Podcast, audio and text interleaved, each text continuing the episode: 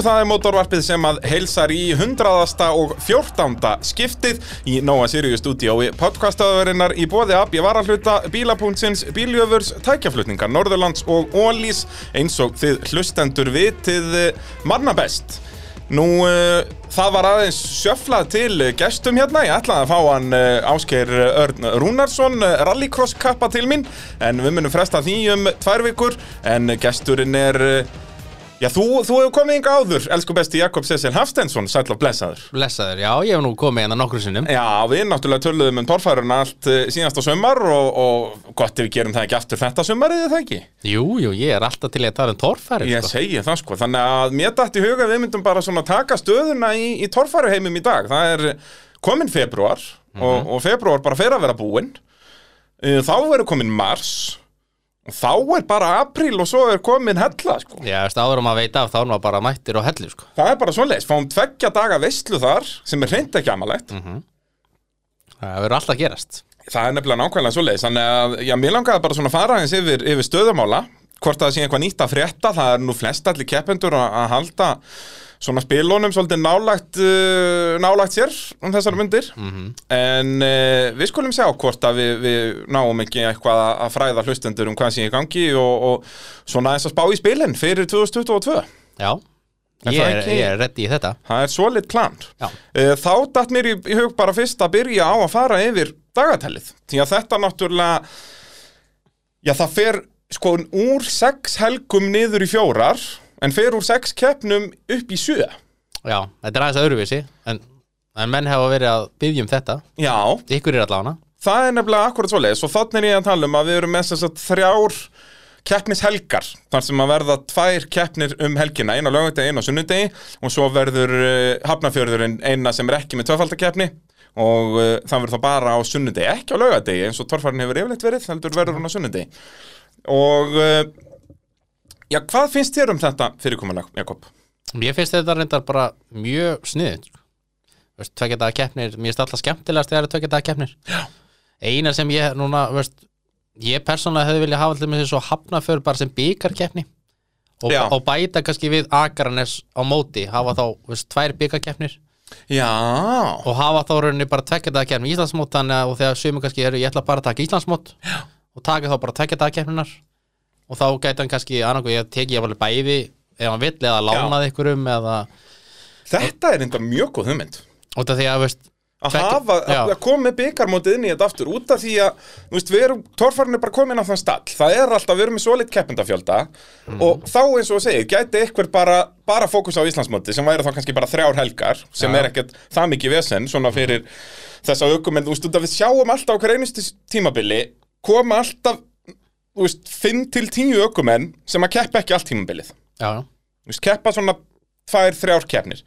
Þá væri það sniðut, já, að, að þeir getur fókusað á, á bara Íslandsmótið eða þá bara byggarmótið Já, já, bara sem hentar mönnum veistu, ef Já. ef þetta hafna fyrir er bara ein keppni ef þetta hefði verið tvær keppnir, þá náttúrulega það erum við átt að keppnir, þá myndi ég alveg skilja það sko, en veistu, við erum bara með eina, þá er fannst mér tilvæglega að bæta kannski við Akaranes eða Blöndós, Blöndós það Eða- væri líka bara svolít byggarmót Eða bara Stapafell. Blöndós, Akarnes já, Stapafell. Menn hafa verið að tala um, tala um það líka.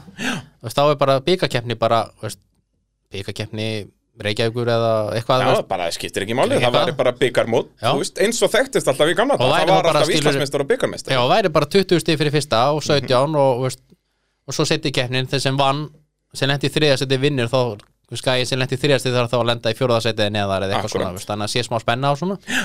Ah. geti verið sniðið Já, og þá er líka hægt að fara að fýblast eitthvað aðeins með, með reglur og svoleiðis og það er ekki Íslandsmót, þá er jafnvel hægt að fara í þetta, þú veist, hafa kemur oft upp umræða með þetta að láta stíðin sem þú fær til Íslandsmeistar bara vera stíðin sem þú færði í keppninni.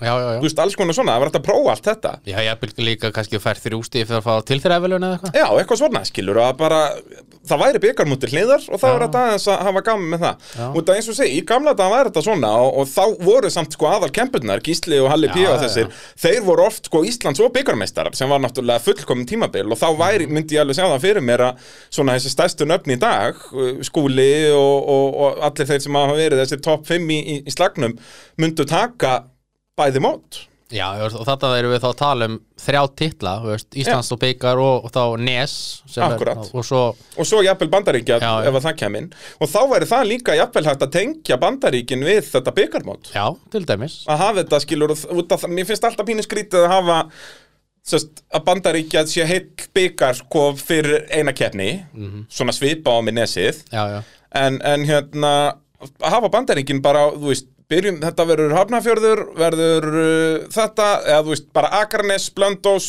og bandaríkin, eða hvað það er.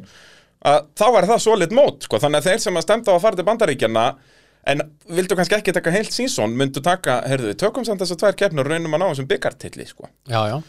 Og eins og, já, þetta er snilt að hafa ef það væri byggarmót þá einmitt væri sumir sem væri bara fókus á byggarmeistaratitilinn Mhm. Og þá jafnvel væri líka hægt að hafa kannski eina lokakeppni sem væri bæði. Já, já, Íslands og Byggar bara lokin, sko. til að reyna að fá þá bara 30 keppundur þar skilur. Það væri kannski þarna segjum að væri kannski 10 sem væri bara að keppi byggarnum og síðan væri við með þessa 15-20 í, í Íslandsmótinu.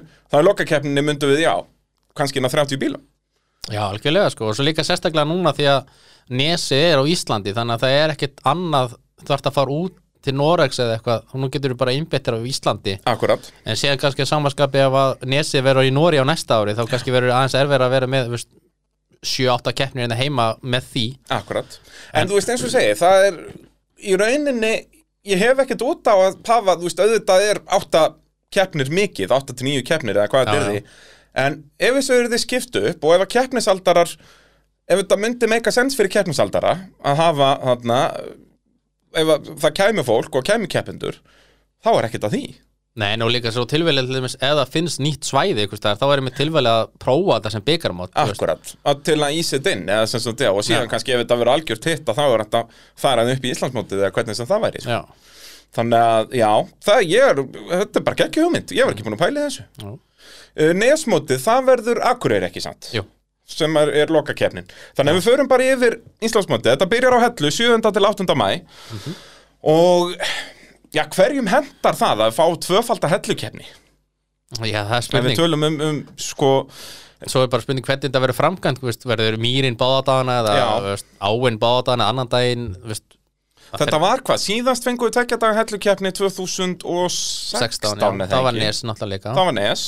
Og hérna var það þá ekki þannig þá var mýrin bara setni daginn eða ekki? Já, áin og mýrin voru bæði voru Já, alveg rétt, það var e e hvorki áni mýri fyrir daginn. Nei, þetta endaði þarna á tímabröðinu sem var rétt, síðan sem er var alli, alli, alli hú, og insane velti líka Já. og bara, já, geggjubraut. Sem var síðan engin bröð á endunum því að hún var ól, ólulega Já, þetta fór allt eitthvað í háa loft alveg það var eitthvað eftir. kaos En þá hérna En það er líka bara snilt að hafa þá fá fleiri torfærubrautur og það, þú veist, við fáum alltaf bara þessar þrjár að það er spurning hvort að Kári og félagar hérna á hellu muni gera eitthvað svipað núna að fá þá fleiri torfærubrautur, þú veist, jafnvel fimm torfærubrautur og eina tímabraut á laugardeginum og svo er þetta svona típiska hellukeppni á já. sko. þetta var endar 2006 þá var, þá var hérna mýrin bara sittindaginn og áin líka, en áin var báðadaginn ekki eins Já, alveg rétt. Þeir fóru, var það ekki, þeir fóru aðeins stittra á lögadeginu, já, það fóð bara yfir hérna sprána, hérna fyrst en við fara alltaf fyrst og snúu bara við síðan það var eiginlega bara mjög auðvelt sko Ég man, er þetta ekki,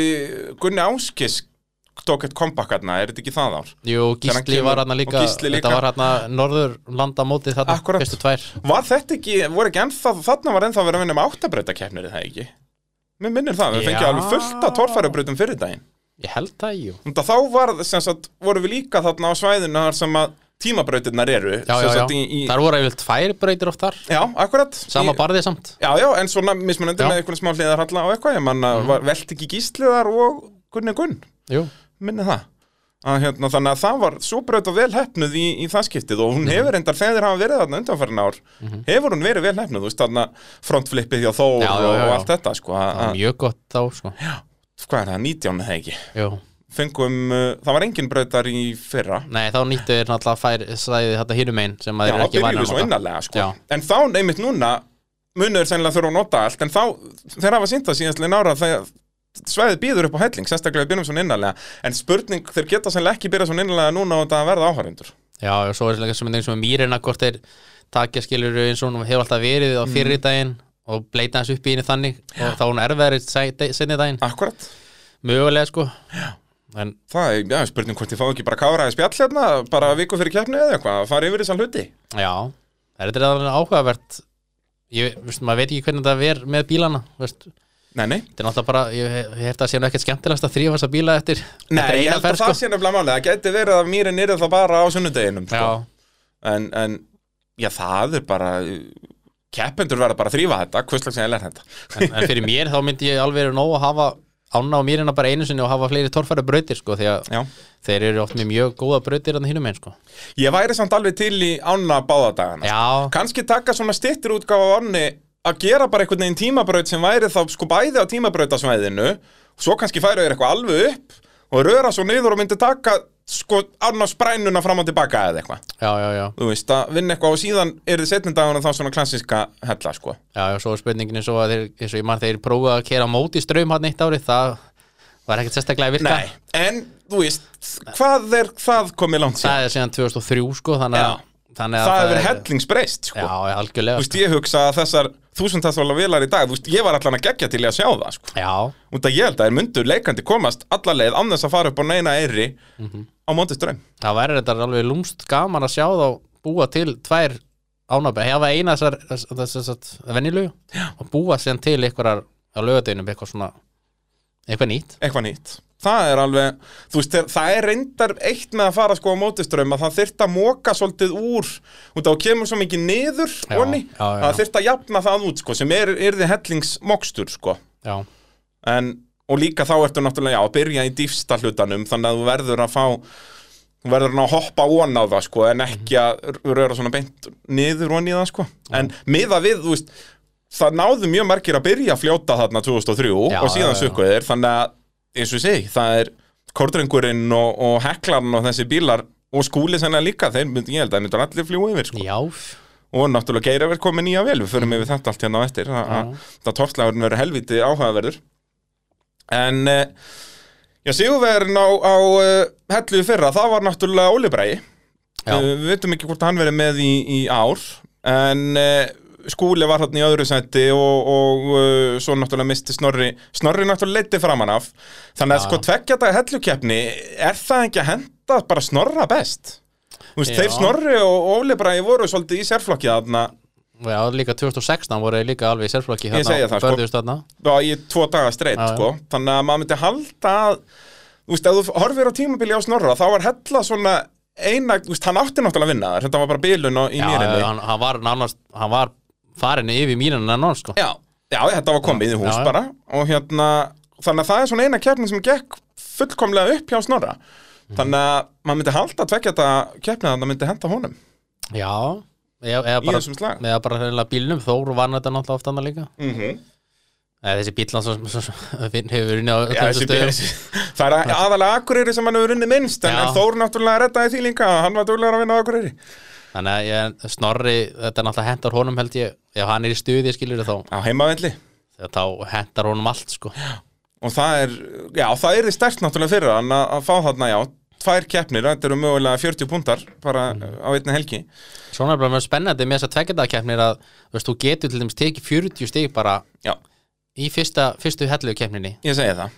og, Og, það er bara helvíti mikið, sko. og þá, veist, er komið pressa hinna sko, þetta er, veist, þetta er, þetta er spennandi að hafa tveggjadaga sko. Algjörlega, á og þú veist sko. líkurnar á að það er sami maður í öðru sett eftir að baðadagan eru litlar. Þannig að þú ert alltaf að fara að byggja upp, þú veist, allavega tíu stega fórskot. mm en sen getur við jafn fljótur að missa það niður Ég segi það, sko, bara keppni sko. bilaður bíl á lögadegi og eða þú veist, ef þú sprengir vél eða fyrir skipting eða eitthvað, Mhm. Þá ertu tómi basli, sko. Er reyndar þetta, öll þessi liður farin að vera, þú veist, það er kannski aðalega vélinn sem er ekki með varahluti, en ég hugsa að flest allir gætu retta sér vél, þú veist, þá er myndu bara að burra með eitthvað 350 mótor. Já, menn, daginn. menn hafa skipt um veltibúr og milli Ég keppna segi það, og- heldur og þetta getur ekki snikkað eitthvað nýja vél þetta. Já. Þú veist, það var bara eins og með kórdringin, hann var fyrst VAF 8 bara yfir nóttu í Norri. Þú veist, þannig að ef, ef þú getur snikkað til að fara úr VAF 6 í VAF 8, Mhm. Þá held ég að sé nú lítið mála að drull eitthvað í 350 vél onni í þessan bíla, sko. já, já, svo eins og Geir Evert, hann setur bara húsbílamótorinn aftur í ef það klikkar. Ég segi það, Stó, og þú veist, ef hann klikkar á snorra þá fer hann bara raptorinn, þetta er ekki flókið mál. Já, En síðan náttúrulega skúli, Íslandsmeistarinn í, í Sigurbúnafloknum, þetta er náttúrulega heimakeppni hans líka og hann náði öðru sendið hann í fyrra og var að standa sem vel áður en að dreiskasti fór þarna uh, í fyrst þegar hann hann 2019 Já, sem var já. bara hans fyrsta keppni á bílnum þannig að, þú veist, ég hugsa að hann verið líka helvíti skæður. Já, algjörlega sko. Og Geir er verið snillingur í tímabröðum og það er mikið Já. af tímabröðum þannig að, já þetta og þú veist, haukur kemur nýja vel við förum betur yfir keppendunum eftir. Þannig að, þú veist, það er erfitt að segja hverjum þetta hendar sérstaklega, en, en ég myndi segja þessi tveir eða þessi þrýr heimamenn, náttúrulega Geir er verið þarna líka á heimavelli, Já, ég myndi segja að setja þá ofalega á lista, sko algjörlega, veist, það getur allt gest á hellinu alltaf. Maður hefur það bara gennum árin. Algjörlega, bara uh, farin ein, ein reymi af stýri í ánni og allt farið fjandast til, sko. Já, já. Og, og allt þetta, sko. Þannig er að eins og þessi mýri, maður veit aldrei hvað gerist í þessari mýri heldur sko. Þannig að, Já, að það er nefnilega magna hvað hún heldur áfram að stoppa marga sko. Já, já. Maður heldur alltaf, fyrir hvert einasta ár heldur maður ok, þessi bílar eru alltaf góðir. Þessi Mhm. mýrar og núrelt Nei, nei, þá bara komast úst, 50% max yfir. Eða minna, úst, í fyrra voru þetta bara þrýr held ég Já, það ekki, voru þetta ekki bara Það var Óli Skúli og og hérna Hérna- Ótemjan. Ótemjan. Nei, komst ekki líka bomban? Nei, hún, hún fór hérna Missi stýrið líka. Alveg rétt, alveg rétt. Þeir voru bara þrýr sem komast. Já. Og Óli bræði með herkjum. Já, já. veist, hann var svo oft Svo nálætti að festa sig. Ég veit ekki hvað maður saði oft vissir að nú stoppar hann. Já, Nei, já, bara, ok, nú er þetta komið, nú er þetta komið. Nei, nei, hann held áfram og held áfram Þannig að, eh, já, snild að byrja þarna á hellu Svo er það hafnafjörðin, 22. mæ og fáum hann þrjár torfærikeppnir í mæ Mhm. Sint ekki amalegt mm Einstakskeppni og mér finnst svæðið þar bara sko þó að þeir notuðu bara helmingina svæðinu síðast var svo keppni hefnaðist mjög vel Já, það var gaman að þeir getur nota hitsvæði líka þá Já. á þessu ári algjörlega og þá held ég að þetta geti verið bara mjög góð keppni sko. Ég held að, að það var hérna, hvað, það var aðalega lokabrautin sem var of auðveld am- ef ég mann rétt Annars Ég- voru flest allar brautir bara mjög góðar, sko. Já, er þetta þriðabrautin hérna Alveg rétt, þriðja brautin var brandari. Hún var svona Hún var bara eitthvað, alveg eins og hinnar eila. Bara uh, beint upp, já, það fóru allir. Þetta var bara spurning hvort þú fegst 20 í mínus eða ekki. Já, já, A- Alveg rétt, þetta var þriðja og síðasta. En annars bara mjög vel hefna, miðað við eins og segir að þeir voru bara að vinna með eina brekku sem sagt já, ekki, já. þannig að, að bara lofar mjög góðu. Já, þess að segja, þeir myndi að ná að taka hitsvæði líka þá held ég að þetta geti verið bara mjög gott sko. Ég held það. Stór klúppur þarna og, og bara græja þetta. Já, Þetta er ekki flókið mál. Uh, Svo förum við uh, Já, hafnafyrðu, býtu, hver vann í hafnafyrðinum núna? Var það Hvenar var hafnafyrðinum? Var það fjórðakeppnin? uh, Fymta Það er skúlið sem vinnur, eða ekki? Jú, hann triðið sér unni titilin Tryggir sér titilin alveg rétt. Þá búin að, já, já. Þannig að- að skúli vinnur þar. Hver vann uh, fyrst ef að keftar? Var það ekki líka skúli? uh, Jú, 2020? jú Þannig að það er þetta skúla territory Hann búin að vinna 100% af kefnunum hann Já, hann er bara, þetta verið eins og Akarnar sjá honum Ég, mér sýnist það sko hérna, bara you better watch out sko. Já, Akarnes er náttúrulega, hann er búinn að ekki vinna þar sko, þannig að- að að hafna fyrir nýja Akarnes já. það er bara svo leiðis þannig að það ætti að henda, henda skúla vel Já, svo líka bara hafna fyrir að maður veit aldrei hvað veist að, veist, geta allt gerst það líka Já, og sem sagt út af því að þeir eru ennþá að þróa svæðið sko, þetta Já. getur verið svo mismunandi og líka bara hvað veðrið gerir Já, Þú veist, já. ef það er búin að vera ausandi rigning hann í tvær vikur fyrir, þá verður þetta svo hrikalegt rulla á það halværi hellingur sko. Þá er þetta mjög erfitt sko. Já, og við erum búin að fá þarna bæðið, þú veist, þetta náði nú ekki alveg að vera drullukeppni síðast, það byrjaði að regna aðeins á okkur hann að sendipartinu, það var ekkert búið að regna neitt að viti fyrir, Mhm. svona ekki þannig. Svo náttúrulega fyrsta keppni var bara já. svona bara fyrsta torfarin þegar ma maður lappaði brautirnar og það var bara, þú varst að lappa á bara ís þannig að- að Það vantaði bara jólasveina í, í, í hraunni þá var þetta fínt sko. Það er svolítið svo leiðis, það var líka bara, þetta ekki byrjun oktober, hann 2020 Jú, það var alltaf að pæla, var alltaf að pæla ó, maður hefði að vera í bandarækjunum núna en, Já, þetta var akkurat sömu helgi, þetta Já. var bara 7. oktober eða eitthvað, alveg rétt. En neina, þá fengum við frost í hafnafyrði Svo er keppni sem ég er mjög peppað fyrir, tveggja dag eilstæði já, Það er alltaf eitthvað gullfallegt við, við eilstæði og í talunum um að það eru tveir dagar sko. allan að síðast þegar var þá voru 50 veldur og, og, og stökkinu lengst upp í flugvilar og veit ekki hvað og hvað sko Og bara, og að út af svæðið er leikandi nóg, nógu stórt til að með þú nota bara allt svæðið. Já, þeir getur verið með þryggjata keppni Ég að held það sko, þú veist, þeir geta leikandi verið með sko tvær eða þrjár hérna innst í gílunu þar sem tímabrautin er. Já, já, Svo geta þeir leikandi verið með sko þrjár, jafnvel fjórar í stáluna þarna sem Þór stökk.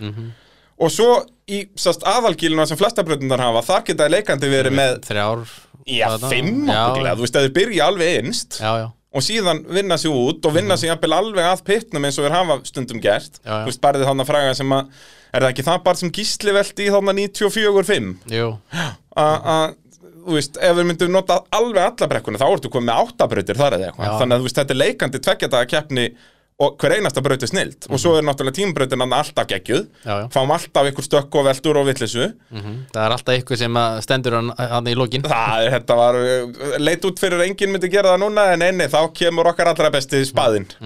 Það var dásamlegt. Hann vildi aðeins prófa þetta eins og Ingo sko. Ég segi það sko, hann var samt svo nálægt í að berga þessu úr þessu sko, sem gerði þetta ennþá meira töff þegar hann velti sko. og síðan, veist, við höfum líka verið að fá veltur bara á jafnsléttunni og allt þetta sko, já.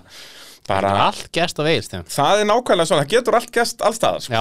það er bara Það svoleiðis er það svona torfæran er svo skemmtileg En, en eigilstað er sérstaklega með þetta það er eitthvað komið 200 stega fórustu og glutar eða niður sko. Mhm. þú veist, sáum skúla þarna missa af hliði allt þetta, endaði skúli á að vinna á eigilstöðum núna eða Já. bara eigilstað er ekki önnur keppnin það var, skúli vinnur og snorri það var alveg bara mjög tæft á þeirra, já. þeir voru í, í slagnum allan daginn Mhm. Og þú veist, Geirivert náttúrulega þarna hefði Geirivert verið með vélina sína réttu þá hafði hann sennilega unnið, út af þá hafði hann ekki dottið inn á fýblagang hérna, var hann ekki jú, þriðjubreytinu jú, þegar hann er þetta hérna að skera liðið þarna. Já, bara út af hann vissi að hann hefði ekki aflið sko, sem að eftir á að hekja hann hefði ekkert þurft hann hefði bara verið nóg að máta sko. Mhm. en, en hérna þú veist, allt þetta. Þannig að Egilstað er ekta svona keppni, þú getur verið komið með 150-200 stíðan fannskoti í fyrstu brautum og, og glutar það síðan niður. Já, leika sérstaklega þegar svo marga brautir sem er ekki barði í miðri braut sem getur stoppaði sko. Veist, og þá ertu búin að tapa, þú kemst ekki þarna upp en hinn er komast, þá ertu komið með 150 stíð í burtu sko. Já, já, eða 250 sko, ef þetta er bara 100 stæðan hlið sko, sem að mjög oft er, að það Já, er svona ekt eitthvað svona fyrst létt barð en það festa sig allir á kveðnum sko. Já, eins og þessi litli hólar hérna Já, það er náttúrulega dásamlegt. Það er alveg magnað hvað margir eru búin að fara þarna sko. Já, og náttúrulega ég elska hvernig þau leggja alltaf brautinnar á Akaranesi þegar að, það er náttúrulega aðal kempurnar að leggja brautinnar þar sko og þeir vita alveg hvað, út af þeir allir sem hafa verið að leggja brautir á Akaranesi vit, hafa sjálfur fest sig svo ofta á kviðnum að þeir vita hvað þessir hólar eru leiðilegir og sérstaklega eru svona strax í byrjun og allir eru bara að horfa á barðið og festa sig á já. kviðnum og þeir hafa þá líka alveg ekstra svona, sem sagt, mikinn halla bæði upp og niður. Svo festist alveg öruglega alveg öruglega Allan einn allavega Já, sp skulum spyrja sig að þessu hvort Já. hann þekkit eitthvað. Hann mun sennilega ekkert kannast við það. Nei. Hann er náttúrulega svo gamall maður að Hann er búin að missa, missa vitið og allt Eða svona það litla sem hann hafði? Já, Nei, nei, sikki að dásamlegur. Já, já. Hann allavega var einn af skemmtilegustu keppendur fannst mér allavega í gamla dag sko. Það er bara, þetta er dásamlegt sko. Þetta var annarkoð bara on-off eða engin gjöf. Það er svolítið, svolítið sko. Já, þá ertu að tala um Sigur Þóru Jónsson Já? Já, það er bara ó, Á Toshiba tröllinu Hann var mjög litríkur, það var dásamlegt. Hvernig Já, það var alltaf, út að hann var líka mjög oft komin svona í þessu stöðu, komin náði fyrstu tveimur brutunum geggja vel, sko, og síðan bara kútveltan þessu eða, eða gerði eitthvað mikla glóriur, þú veist, í þriði, fjórði en það er líka dásamlegt. Já, jú Svo er bara skemmtilega við eilstæði líka bara þetta gengur svo alltaf vel fyrir sér sko. Já, þeir eru náttúrulega, þetta eru maskínur þarna, eh, sem eru á, á stigunum. Maður er alltaf bara komin heim bara upp á hótelprogram 5 sko. Mm. vissulega með rík út um allt Já. en það er bara dásamlegt, sko. Já, það er bara hluta af þessu. Út að það er náttúrulega rignir heldur aldrei á eigilstöðum Nei, það er bara svoleiðis, það er alltaf búið að vera rjóma að blíða þarna. En svo núna er þetta náttúrulega í byrjun júni sko. Við erum alltaf í byrjun júli Já, reyndar að muna mánuðið þarna. Það er spurning hvað gerist.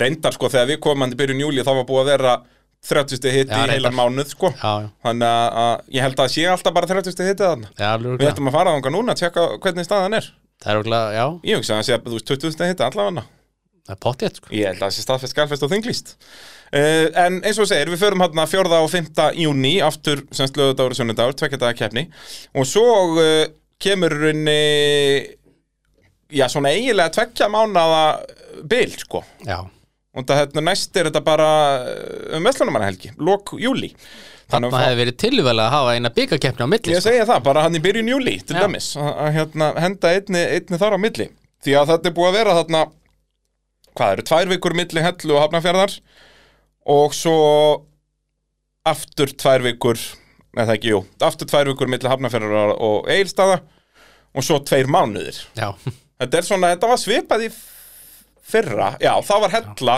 og svo bara tveir mánuðir og svo bara keppnir allar helgar. Já, bara fimm, fimm keppnir á sjö vikum bara. Já, eitthvað svona þvæla, það var líka, mér fannst það allt og mikið, sko ég var alveg þó að ég sé bara að mynda þetta sko, eða sérst maður var með beinar útsendingar Mhm. þá var alveg bara, ég var mjög lítið peppaðar fyrir síðustu keppnunum sko, bara Já, maður var einhvern veginn búin að því sko. maður var nýbúin að klára að klippa loksins keppnina Æ, það er komið önnur keppni bara. Já, og bara þú varst oft bara hafðir ekki undan sko, stundum var, að- varst að klára bara síðustu ökum en annarkvort á föstudegi fyrir eða mánudegi eftir næstu keppni sko. Já, reyndar þægilegt núna, þá var ég bara að klippa brauðina sko. Ég var Já. ekki að klippa keppendi núna Nei, sko. það er líka, ég kann að meta það Ég er allan tíman á þeim vagna að þessi skemmtilega og það er bara skemmtilega að horfa á keppnina þannig og þá Já, einhvern já. veginn líka bara sérstaklega sko ef þú ert að horfa á þetta eftir á bara eins og núna í vetur og þá kemur alltaf bara suggested, kemur næsta braut Mhm. þú veist, ég hef hort núna á nokkra keppnir bara í heilsinni, bara á rásinni hjá þér Já, já. og það er þægilegt að horfa á þetta svona sko. og líka bara sjá, þú veist, þá mann maður betur að já, þessi fór svona þarna en þegar þú horfir bara á keppendana þá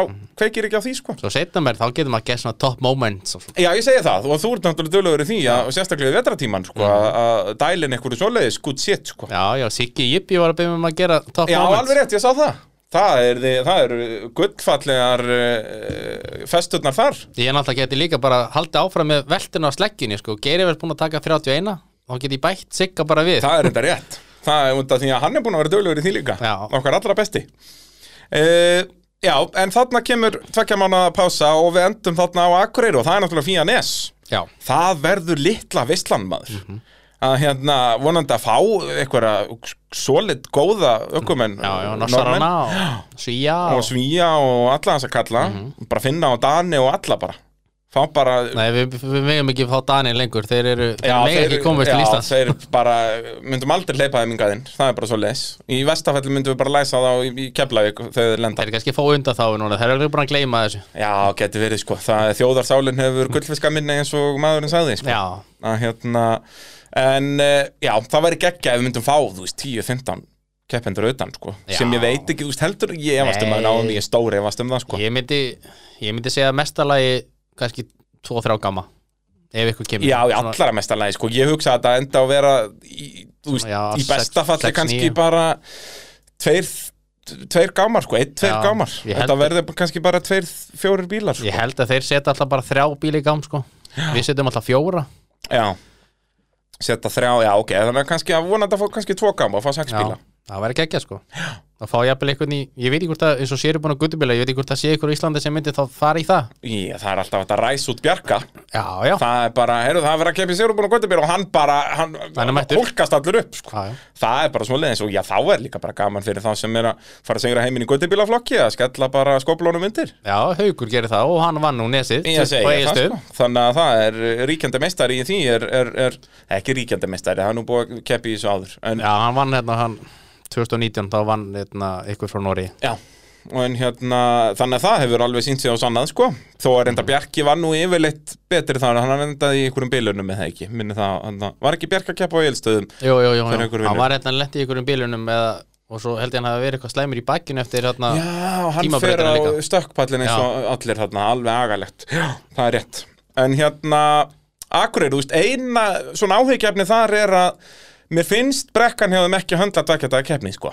Já, Þú veist, við vorum með tvær keppnir þarna í hitti fyrra, þess að 2020 Og það alveg svona, þú veist, það slapp til bara út að það var COVID og maður vildi bara eitthvað. Já, já. En þetta, þú veist, ef það hefði verið back to back, eða þess að lögata sunnundag, þá hefði þetta verið svona pínu, er þið, vorum við ekki að þetta í gæri, eða?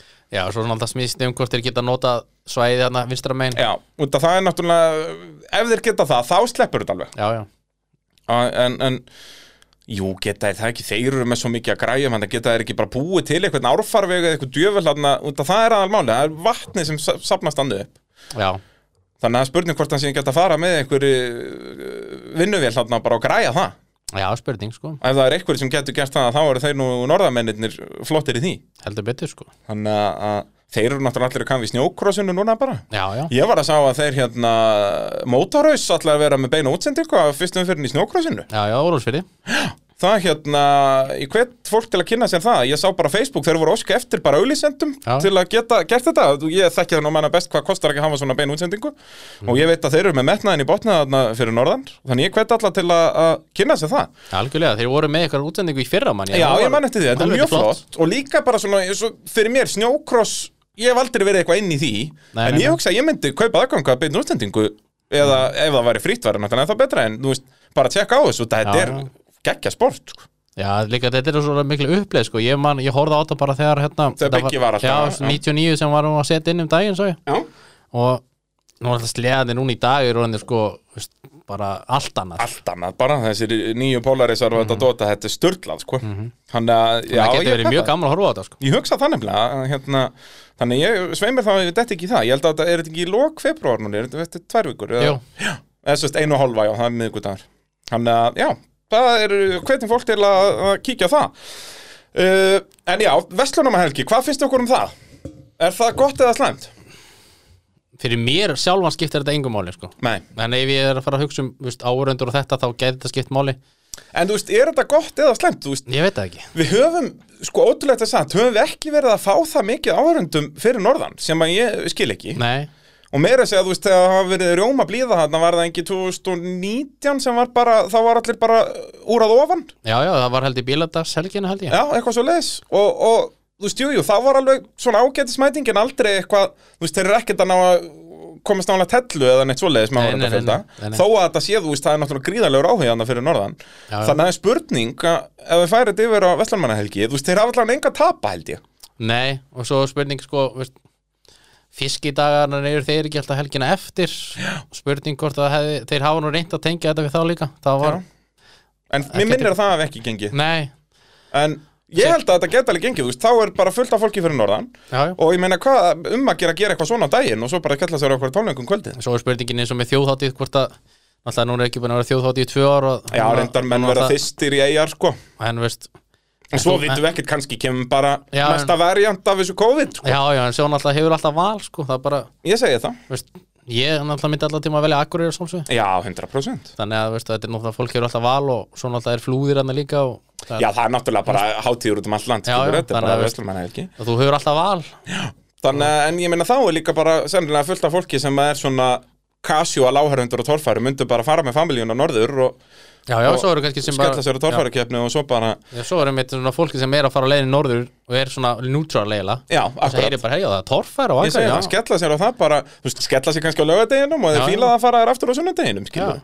Þú veist, alls konar svona. og svo að næsta árið fer það bara alla keppninar Já, og veist, þannig fáum við nýja áhörundur. Já, Uh, eitt sem ég er að pæla og, og ef það er einhverju keppnisaldarar að, að hlusta sko, að hvernig ég mér, út af mér hefur alltaf eins og ég hef oft talað um hérna í mótafræppinu og við höfum talað um að fá svona festivalstemminguna sko, sérstaklega eftir að fórum til bandaríkinu fyrsta skipti, að sjá hvernig þeir halda svona viðburð það eru bara að mæta allir með tjöldin sín og kúlerana og allt þetta skiluru Mhm. Að þú veist, eins og ef að hella væri, þú veist, það er kannski erfitt á hellu út að það er yfirleitt skýta veður í byrjun mæ sko. þú veist, þó að það hefur yfirleitt sloppið, það hefur ekki verið úrkoma en það Nei, er bara, það er líku við nætufrost já, já það snjóaði held ég í Já, já alveg rétt núna, það kom snjókoma. Við vorum með þetta upp frá, já, alveg rétt. Við vorum undirbúið beinu útsendinguna og það var bara snjór á leiðinni. Það var dásamlegt. Það var snjór á, á þegar áin var Já. og smáði mýrinni. Akkurat, það, já, já, alveg rétt. Já.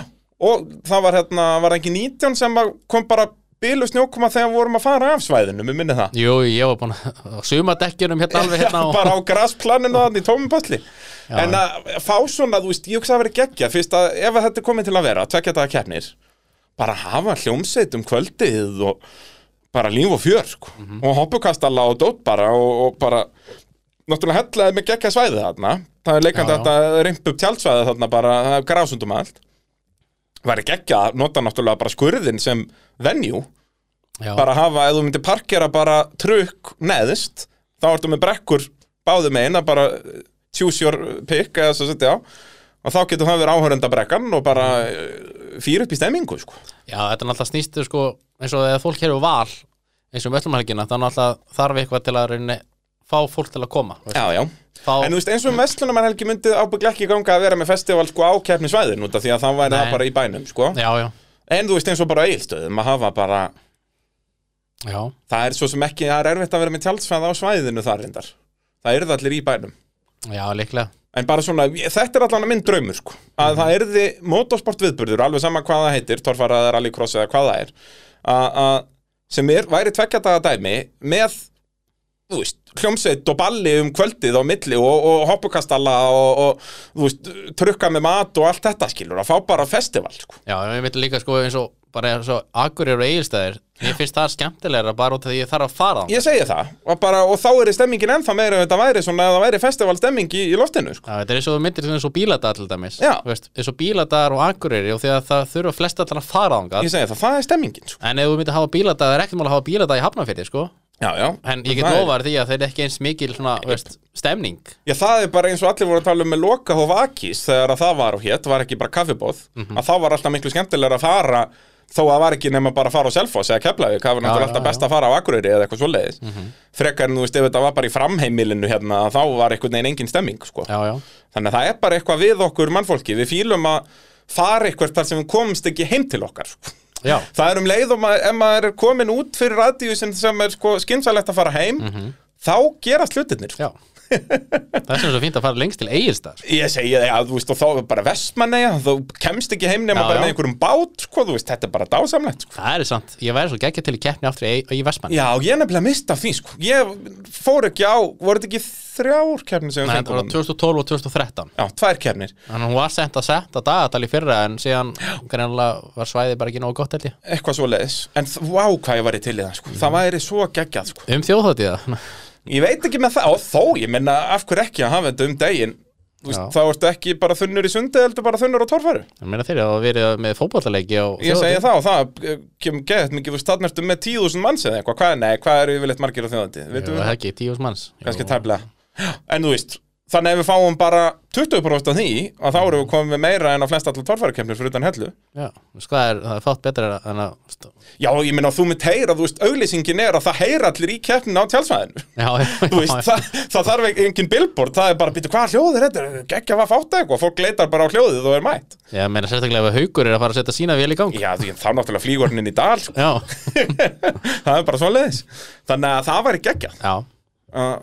hjólaði þetta Nei, ég- vá hvað væri sem andjóks geggja að hafa Mhm. torfærukeppni um vestlanahelgi í vestmanni sko og þetta er líka á svona sér sveið, veist, við varum ekki fyrir neinum. Nei, nei, veist, þetta er þarna alveg niðri bara hinum endanum í rauninni. Veist, já, það þurfti tórfærakenni til ég, fyrsta skipti sem ég fór actually til Vestmanni, það var árið 2012 já, bara á torfærukeppni. Já, það þurfti tórfærakenni til að koma með til Vestmanni Þannig að þetta, já, vá það, ég, ég er bara meður farin að dreyma um þetta þetta er dásamlegt þetta væri, þetta væri gaman. Já, vera torfærukeppni og svo bara þjófatíðaprógram um kvöldið. Og svo önnur torfærukeppni daginn eftir. Það var náttúrulega ennþá betra, þetta tvekja þetta dæmi sko. Þetta er vinn-vinn dýrt fyrir alla sko. þetta er, er það sem við kvöldum vinn-vinn-vinn það er bara svoleiðis.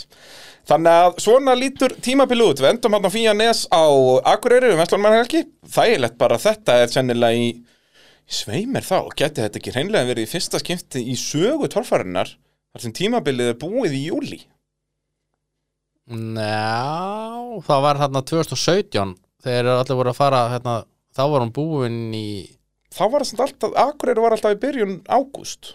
Eða 2017 var Akarinn síðasta keppnin. Þá var held ég á því að það voru allir að fara til bandarækjan og svo var Noregsmóti í ágúst. Mér minnir að það hefði verið mjög seint sko.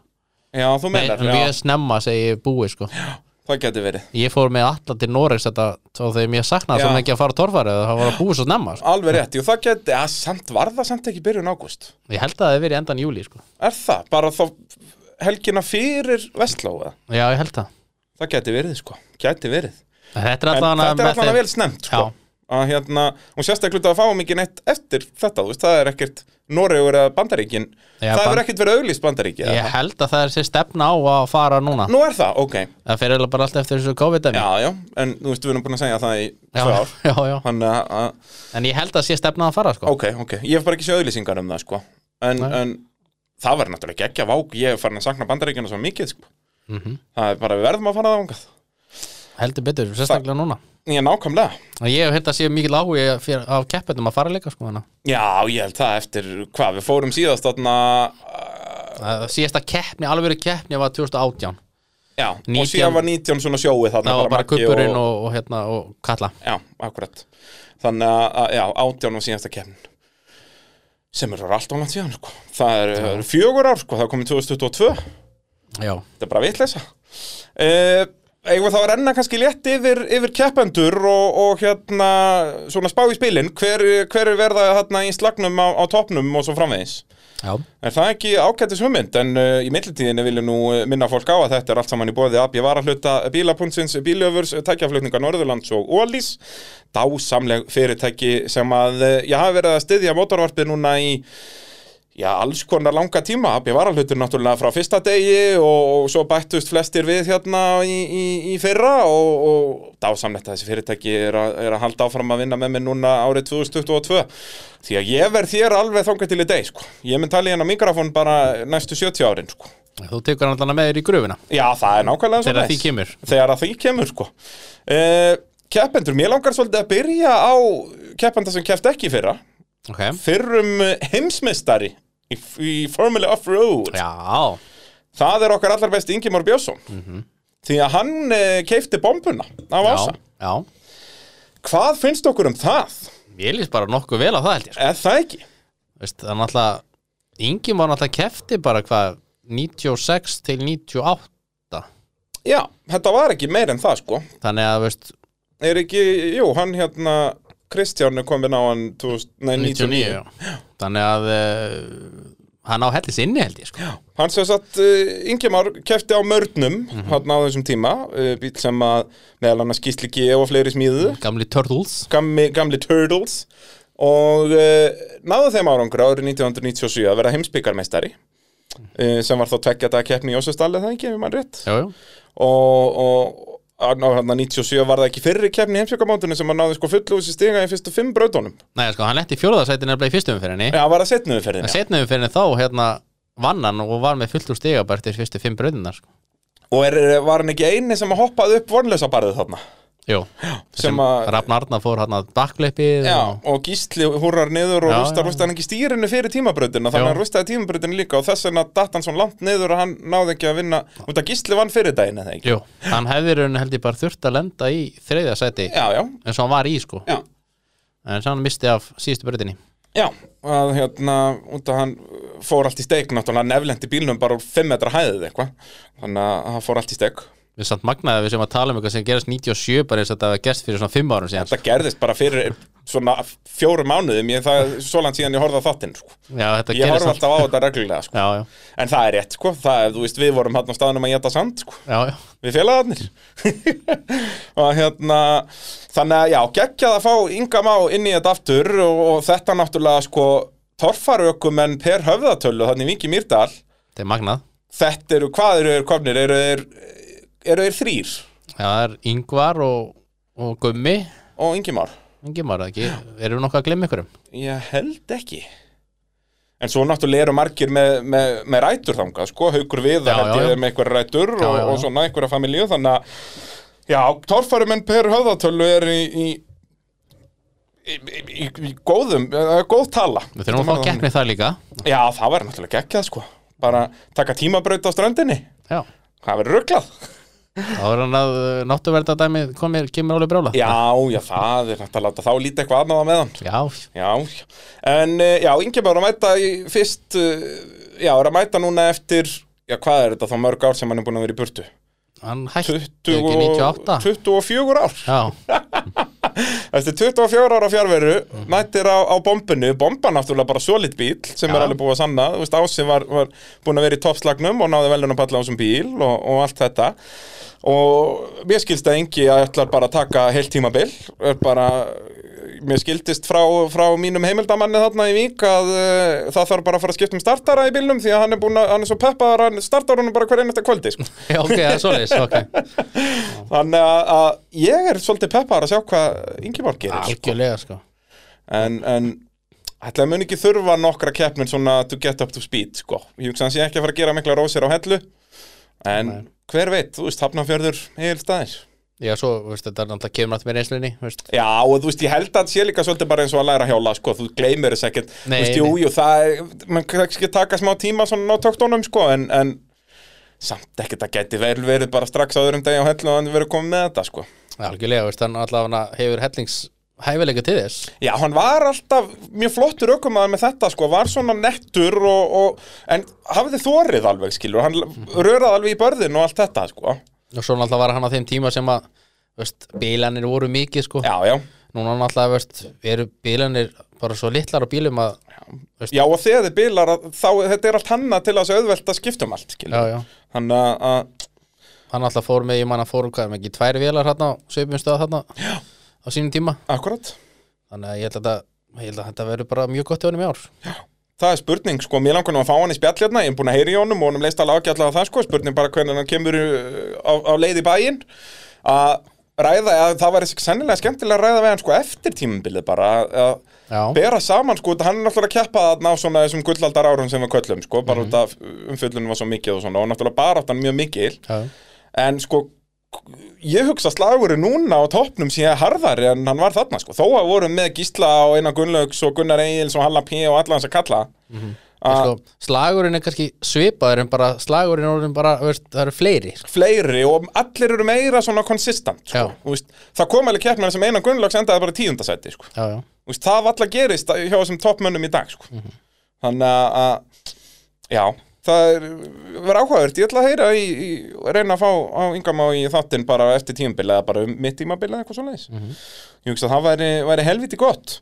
Uh, uh, ef við förum þá uh, ættum við að fara í götubílaflokkina já, tökum götubílaflokkina aðeins. Þar er náttúrulega ríkjandi tvöfaldur meistari er það ekki Stengurum Bjarnason? Já, já. hann mætir eða ekki Jú, er það ekki, er það ekki bara svona einn af þessum hlutum sem maður veit, bara sólinn mun uh, rísa og Stengurum Bjarnason mun mæta í tórfærakeppnis. já, ég held það Það er bara svoleiðis. A- Að strömburinn mætir og, og það er bara spurning hvort einhver þóra að keppa við hann, sko. Það er náttúrulega helsta vandamálið að hann er með svo mikla yfirbyrða að það vill enginn keppa, sko. já, maður, veist, eins og Óskar sem ég gerir að fara að vera með Já, já, það hann er, síndi allavega það að, hann er verið að sína klædnar, að það er að vel hægt að vinna steina.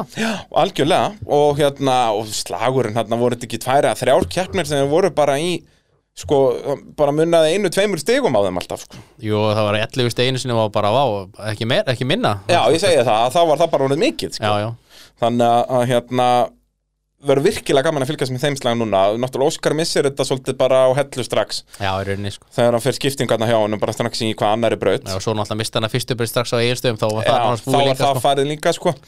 Þannig að- En hann gafst verða- upp allavega Nei, algjörlega ekki og, og þeir verða skæðir á Úlfurinn Racing, það er ekki nokkuð spurning uh, Haukur Birgis það er nú, var hugur í honum, ég fekk hann í spjallin um daginn og, Mhm. og hérna vonandi að hann taki bara full season líka, það er allavega bílinn komin í fullkomi stand og, og bara allt geggja þar. Uh, Svo Palli Páls, mér skilst að hann ætla að mæta. Já, ég hørta líka sko. Það væri náttúrulega líkilatrið, sko, ég veit að Palli er að hlusta það er eins gott að það mætir.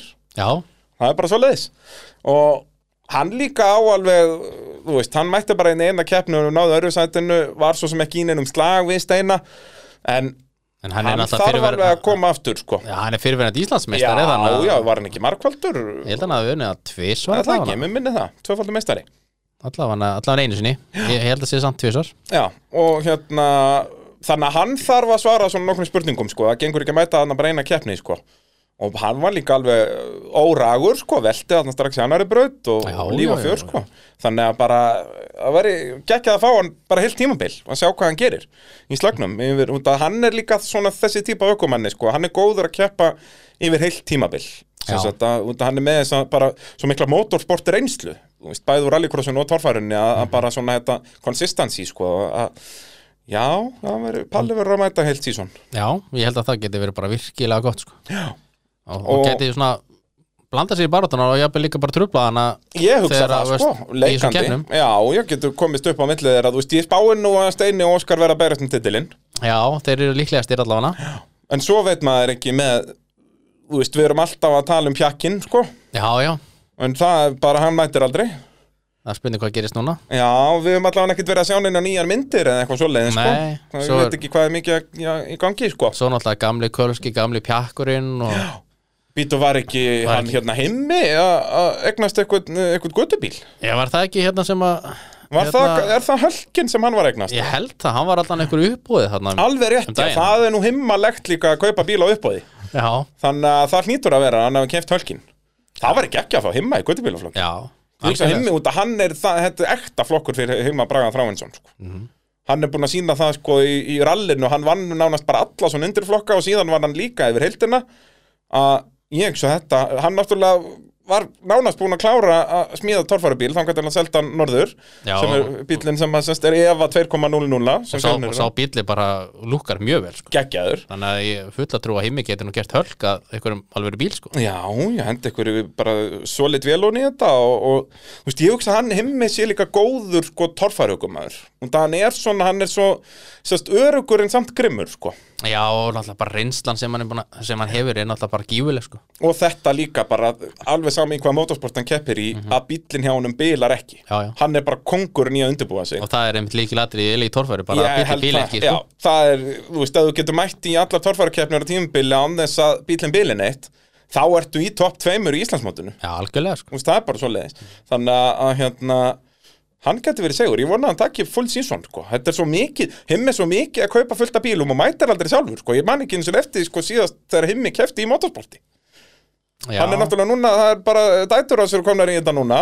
Mhm. þannig að, að hann er vissulega að mæta sko, með liðið sitt en, en það er hann sér langt síðan hann kefti sjálfur. Já, þannig að það er áværi gaman að fá hann í guttibélaflokkin það er ekki nokkuð spurning.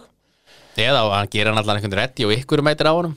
Já, það er líka mjög himmalegt að græja bíl og svona hvort selja hann eða lána hann eða eitthvað. En það er líka bara fínt, hann er, hann er bara vestmiðið í þessu að græja bíla. Og við Uh, þannig að já, ég spái hérna Steina og Óskari uh, svona að það veri slagur þar í guttubílaflokki, hugsa ég. Það verður áhuga- áhugavert líka með guttubjörnflokkin veist, tvekja daga keppnir veist, að búið til tvær brautni braut upp á dagana. Veist, Já. það er einn allt öðruvísi heldur en tvekja daga keppni. Já, að og, og við erum alltaf að tala um þetta það er mjög mikið challenge að leggja góðar guttubílabreytir, það er meira challenge heldur en að leggja góðar það, það er einhvern veginn það refsar mann ekki jafn mikið skilur að þú gerir of erfið að sérubúnabraut að þá færðu samt alltaf einhvers konar entertainment út úr því. Já, já, að þú gerir of erfið að guttubílabraut að þá er það bara dreifleðilegt það er rauninni sko þannig að þú veist, það er við, eins og við morgaf talaðum hindi í mótavarpinu þá er það djúðs vesen Já. að ná þessum balans. Þannig að eh, en að hafa tvekja daga þá kannski eins og segir opnar það fleiri hurðir. Já, það er meira áhugavert að vera challenge fyrir keppnisaldar að, að, að, leggja brautir fyrir guttubjörnflokkin tvo dagir röð algjörlega, á algjörlega sama svæðinu þannig séð að, hérna, en, en við erum komið með svo góða Já. þarna að þeir græja þetta nú leitni Uh, þá skulum við fara svona yfir helstu nöfnin í, í sérubúnaflokknum uh, frá því í fyrra, kannski svona þeir sem að enduð í topp 10 í Íslandsmóndunni eitthvað svo leiðis. Byrjum bara á Íslandsmeistaranum, skúla. Það svona, já hann hlýtur að vera, er hann ekki bara efstur á lista yfir, ef við ættum að fara að spá fyrir um Íslandsmeistara, já Íslandsmeistara 2022.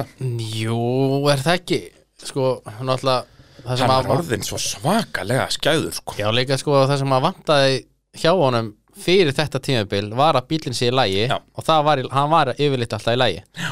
og það skila honum var hann ekki alltaf Jú. í topp ekki? Jú, fyrir utan bara síðustu kemna, þá já, enda já, hann já. 50. Já, En, en annars bara, þetta er annarsettið á hellu Fyrsta setið á Egilstöðum Annarsettið á, hvað koma eftir Egilstöðum? Blöndós Blöndós Og svo fyrsta setið og fyrsta setið á þá hvað Akarnes og Hafnafyrði Já, og, og svo hann að fyrsta setið á, á Akureyri. Þegar hann var búinn að vinna titilinn þá var hann bara eitthvað neina að fór út úr braut og hann hafi verið Var bara ekki hans dagur Já, það hann geti alltaf komið fyrir sko. Já, sem að maður held samt einhvern veginn að geta ekki komið fyrir hann út að hann var búinn Já. að vera svo störtlaður sko. En kannski þegar títilin var komið þá kannski, Já, kannski fer hausinn annars þar þetta er náttúrulega er rosalega mikill haus í þessu. Já, og ég held einmitt sko bara það að þarna hann er komið titilin og þá fer hann að gera mistök. Ég held að það síni keppniskapið í honum sko, bara hvernig hann eh, sagt svona uppstilli sjálfum sér fyrir keppninar sko, og það er bara áhugjefni fyrir þá sem að elda sko. Já, en það eru líka alveg stór nöfnarna fyrir aftan, Geirivert Grímsson og Haukur Viðar Einarsson, við getum svolítið talað um þá saman því að þeir eiga það báðið sammeðilegt að koma með nýjar vélar árið 2022 já, og sko Geirivert Grímsson var á velunapall í öllum keppnum sem hann mætti fyrir utan uh, það munnaði bara nokkrum stigum á Akureyri og svo náttúrulega bilaði bílinn hann á hellu. Já, hef, já, já. En annars var hann alltaf á velunapalli annað eða þriðasendi með mótor sem að þú veist hann, það var fullt af brekkum sem hann vissi að hann myndi bara ekki komast upp. Og hann, þú veist, akstu stílinn hann veist að breyta öllum akstu stíl þurfti að taka fleiri stikur til að ná að praða og allt þetta. Núna með góðan mótor djúvill verður hann skæður. Já, algjörlega, og hann síndi alveg að bíllinn sem hann smíðaði var alveg að virka sko. Já, heldur betur, bara strax frá fyrstu keppni samaðar það bara bara mjög vel hefnu smíði og, og þessi sjálfstæð afturfjörun hvernig hann, þú veist eins og sérstaklega saman á eigilstöðum, hvernig hann gæti getið þessu börð sko þó hann hafði ekki hraðan sem hann hefði þurft sko, Já, bara eins og hérna annað, annað barði held ég. Já, var ekki önnur brautin? Þá er mitt, þá hugsaði, já, finnur hún ekki þannig Nei, Svo við allir- hann Já, já, bara og svona bara bodyið var allar hreyðist á bílum þetta bara svona, hann keirði bara hann upp. Og, og hérna virkilega vel hérna bæði bara þingdapunkturinn í bílnum og hvernig afturfjörnin virkar og þú veist, liggur vel í hliðarhalla. Geira verð náttúrulega snillingur í tímabrautum. Verður vantarlega ennþá betur núna með miklu meira já. og var alveg komin með, þú veist, og hann er náttúrulega komin með tök á bílnum, hann sýndi það alveg í fyrra, var í toppslagnum í öllum keppnum að hann var alveg með bílinn, þannig að núna bara með aðeins meira afl, hann þarf vissulega að venjast því. Ég vona að hann, geta eftir örlítið fyrir tímabilið. Að það er erfitt að, að spá honum ekki titlið, þú veist, það er aðalega þetta með geirivert að hann hefur ekki reynsluna að vinna, hann hefur vissulega unnið eina keppni en, en Já, já. svona, við erum ekki vön því að sjá hann efst á velunarpalli Nei, veistu, hann- reynslan er alveg þvílík veist, hann búin að keppa síðan 2015 þannig að og reynslan er alveg nánast í öllum keppnum fyrir Já, utan þetta eina tímambil þegar hann seldi bílinn, þannig sko. að veist, hann, reynslan er alveg til staðar hann kannski þá bara, veist, ef hann myndi vinna til þeim fyrstu keppnina, Já. þá held ég að myndi veist, gefa hann svo mikið sko. algjörlega og ég menna hella, það er eina keppnin sem hann hefur unnið, þannig að og, þú veist, fullt af tímabrutum ég held svo að það myndi gera helling fyrir hann hann næði þarna, þú veist, kannski þriðja og fyrsta sæti eða eitthvað, þú Mhm. veist, segja með að það væri mikið að torfærabrutum fyrir daginn, svo og góður í þú hann næði, já öðru þriða sæti fyrsta daginn, vinnur setni daginn Já. það myndi, væri myndi mjög hjálpa hann helling Ég- bara upp á sjálfstöðust og, ég held það, og, veist, sko. og, allt þetta. Og síðan sínda hann náttúrulega í fyrra að hann er með þetta consistency, þú veist, svo lengi sem þessi mótor verður ekki til vandræða ef hann fer ekki að brjóta meiri drifrás eða mótorinn skemmist eða eitthvað svoleiðis ef hann bara bílinn heldur áfram vera í lægi sem hann sögulega hefur alltaf verið í mjög góðu lægi já, Geiri verð náttúrulega bara snillingur að undirbúa sig. Já, hann er líka með gott aðstofalið með sér ég segi þannig það, að- mjög gott teimi þannig að, að þetta ætti bara að smetla og Já. þú veist það er, maður þarf að vera helviti hugrakkur ef maður ætlar að ekki spá honum já, þess vegna Já, Íslandsmeistaratitil allan að miklir barátt um að vera Íslandsmeistar allan og hann er með þetta konsistansi nefnilega skilur, þó hann sé ekki að vinna allar keppnir hann er alltaf á vennunarpalli sko. Já, þannig að það verður strempið að vinna gerivert. Hann er segur það er svolítið svoleiðis en þá skulum við fara að tala um Haug Viðar Einarsson. Guð minn almáttur það var náttúrulega að vera að koma dænótölur úr, úr þessum mótor sem hann uh, er að smíða sér í bandaríkjónum eða ja, þarna bara eitthvað eitthvað mestar er að smíða í bandaríkjónum, mann nú ekki hvað hann heitir en bara svona motorsport vela verstæði eitthvað, uh, eins keppni svo þetta verður. Uh, þessi mótor er að kosta eitthvað hátt í 10 miljónir íslenskar króna og uh, er hvað var hann, með öllu nýtróunum var hann hvað, 1800 hestöfli eða hvað e, Já, var það ekki Mér minni það, hann, hann var að posta hans á Facebook. Ég held það, já. Bara allt, allt sem við getum mögulega dremt um. Bara, og ég, þú veist ég hugsa að hann muni bara nota þetta nýtróskot bara í ánni, Já, sko. ekkert NA er þessi mótor yfir 1000 hestöfl þú veist, ekki með neinu nýtrói þetta er sérst að bara Big Block Chevy allur úr áli. Sérst, bara eins og keppnismótorarnir sem eru til dæmis í kórdrengnum og, og þessum bílum, en það er allt byggt á LS og þetta síðan gert keppnismótor úr því. Þetta er sama prinsip nema það er byrjað með Big Block Chevy þannig að miklu meira slagrými og já, rúm 1000 hestöfl ekki með nýtrói. Fer eitthvað vel yfir 1500 hestöfl með nýtrói. Þetta verður eitthvað. Já, haukur, ég meina, hvað er hann búinn að vinna núna, hann er búinn að vinna á ferlinum hvað marga keppnir, þetta er, er það ekki yfir 5 eða eitthvað í kringum 5 fjóra, Hann vann 5, fyrstu keppni á 2018 Já Svo vann hann allavega eina núna í ár. Hann einn í ár og vann hann ekki fleiri í 2020, vann hann þá ekki tvær, hann vann hann að blönd og, nei, Það var núna í blöndu vann núna. á blöndósi hann er búinn að vinna alveg nokkra keppnir. Er hann bara búinn að Ég held vinna hann, tvær, hann, hann vann enga 2020 held ég sko. Ekki? En hann er allavega með reynslu að Já, vinna já, já, og, Og, og, vera á palli og vera á palli var, margoft. var alltaf grátlega nála titli 2019 Þannig að Já, já, var ekki þar sem hann vannur þá kannski tvær keppnir eða eitthvað? Þegar hann er eitthvað svo leiðis Hann vann allavega, allavega eina þar allavega. Já, þú veist, hann er búinn að vinna þarna alveg Já, kannski þrjár, fjóra keppnir mm -hmm. uh, Er með þessa reynslu, hann er náttúrulega búinn að vera í topp þreymur í Íslandsmótinu núna bara Er ekki síðustu þrjú, fjögur ár.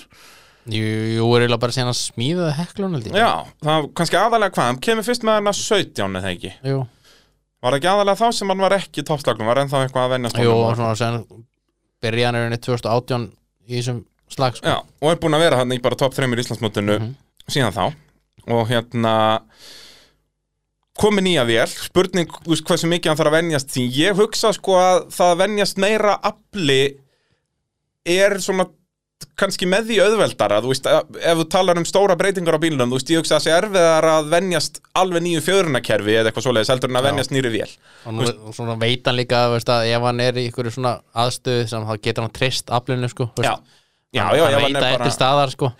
þú veist, í þessum bröttu brekkum á Já. Akureyri og þessu dóti að geta, þú veist, þegar þú veist að það getur staðið bílun og að koma 1500 hestu þá er, þarf helviti mikið til að stoppa þig, sko Mhm.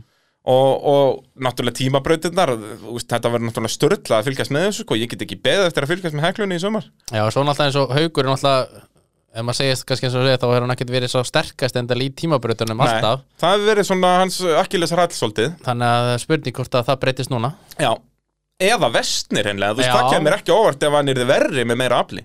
Mögulega sko. Ég hugsa að afl er ekkert endilega í sem sagt venjulegum tímabrautum þá held ég að það hafi ekkert sérstaklega að gera með þúsund hestafl sko. Já, ég man eins og Þór, hann var farin að keira hratt en samt hægt. Þetta Já. lúkkaði hægt Já, já, En hann og þá fór henni- mitt var bara mikið að vinna með hálfagjöf sko. Já, já, hann var bara að gefa inn á réttum tíma. Og hann það- náði samt besta tímanum oft. Nákvæmlega. Ég hugsa það, sko, tímabrautir sé sennilega það element sem að haukur mun þurfa að venjast mest upp á nýtt, sko að vera með allt þetta afl, sko. En ég hugsa, þú veist, ef þú tekur bara einn dag í einhverjum hólum, bara að gefa inn og svona fá fínlið, ég held að það komi til til að fljóta, þannig að ég viti náttúrulega já. neitt um það, en, en sérst, frekar en, þú, þú veist, ef þú ert að fara í alveg nýja fjöðrun eða, eða eitthvað svoleiðis fyrir þetta ekki náttúrulega bara allt eftir æfingum skilur, eða veist bara reynslunni sko, veist. Já, jú, jú, kostar, náttúrulega kostar sitt náttúrulega gerir á frá að æfa sig sko, en, veist, en þú verður betri ef þú æfið þig sko. En við sáum það svo sem í fyrra, þú veist, Haukur mætir þá með nýja vél Já, og já. það var ekkert að há honum, sko. Nei, Hann mætti sko. strax í toppslegin, sko, og vinnur hann eina keppnið, þannig að- að það er annar sem verður helviti skeður Mhm. og þetta er það sem við erum að tala um, þeir verða þarna alveg fimm spá ég, hugsa slagurinn verða alveg eins og hann var í fyrra, þeir verða þarna fjórir, fimm í toppslagnum í öllum keppnum. Og, og já, næsta nafn eh, á, á blaði er náttúrulega bara svekkelsi ársins í fyrra held ég að allir geta verið sammála Snorri Þór Átnánsson Já, endaði fjórði í Íslandsmótinu gekk bara ekkert upp. Þetta, ég rauninni saga tímabilsins má segja bara svolítið á hvernig hella fór.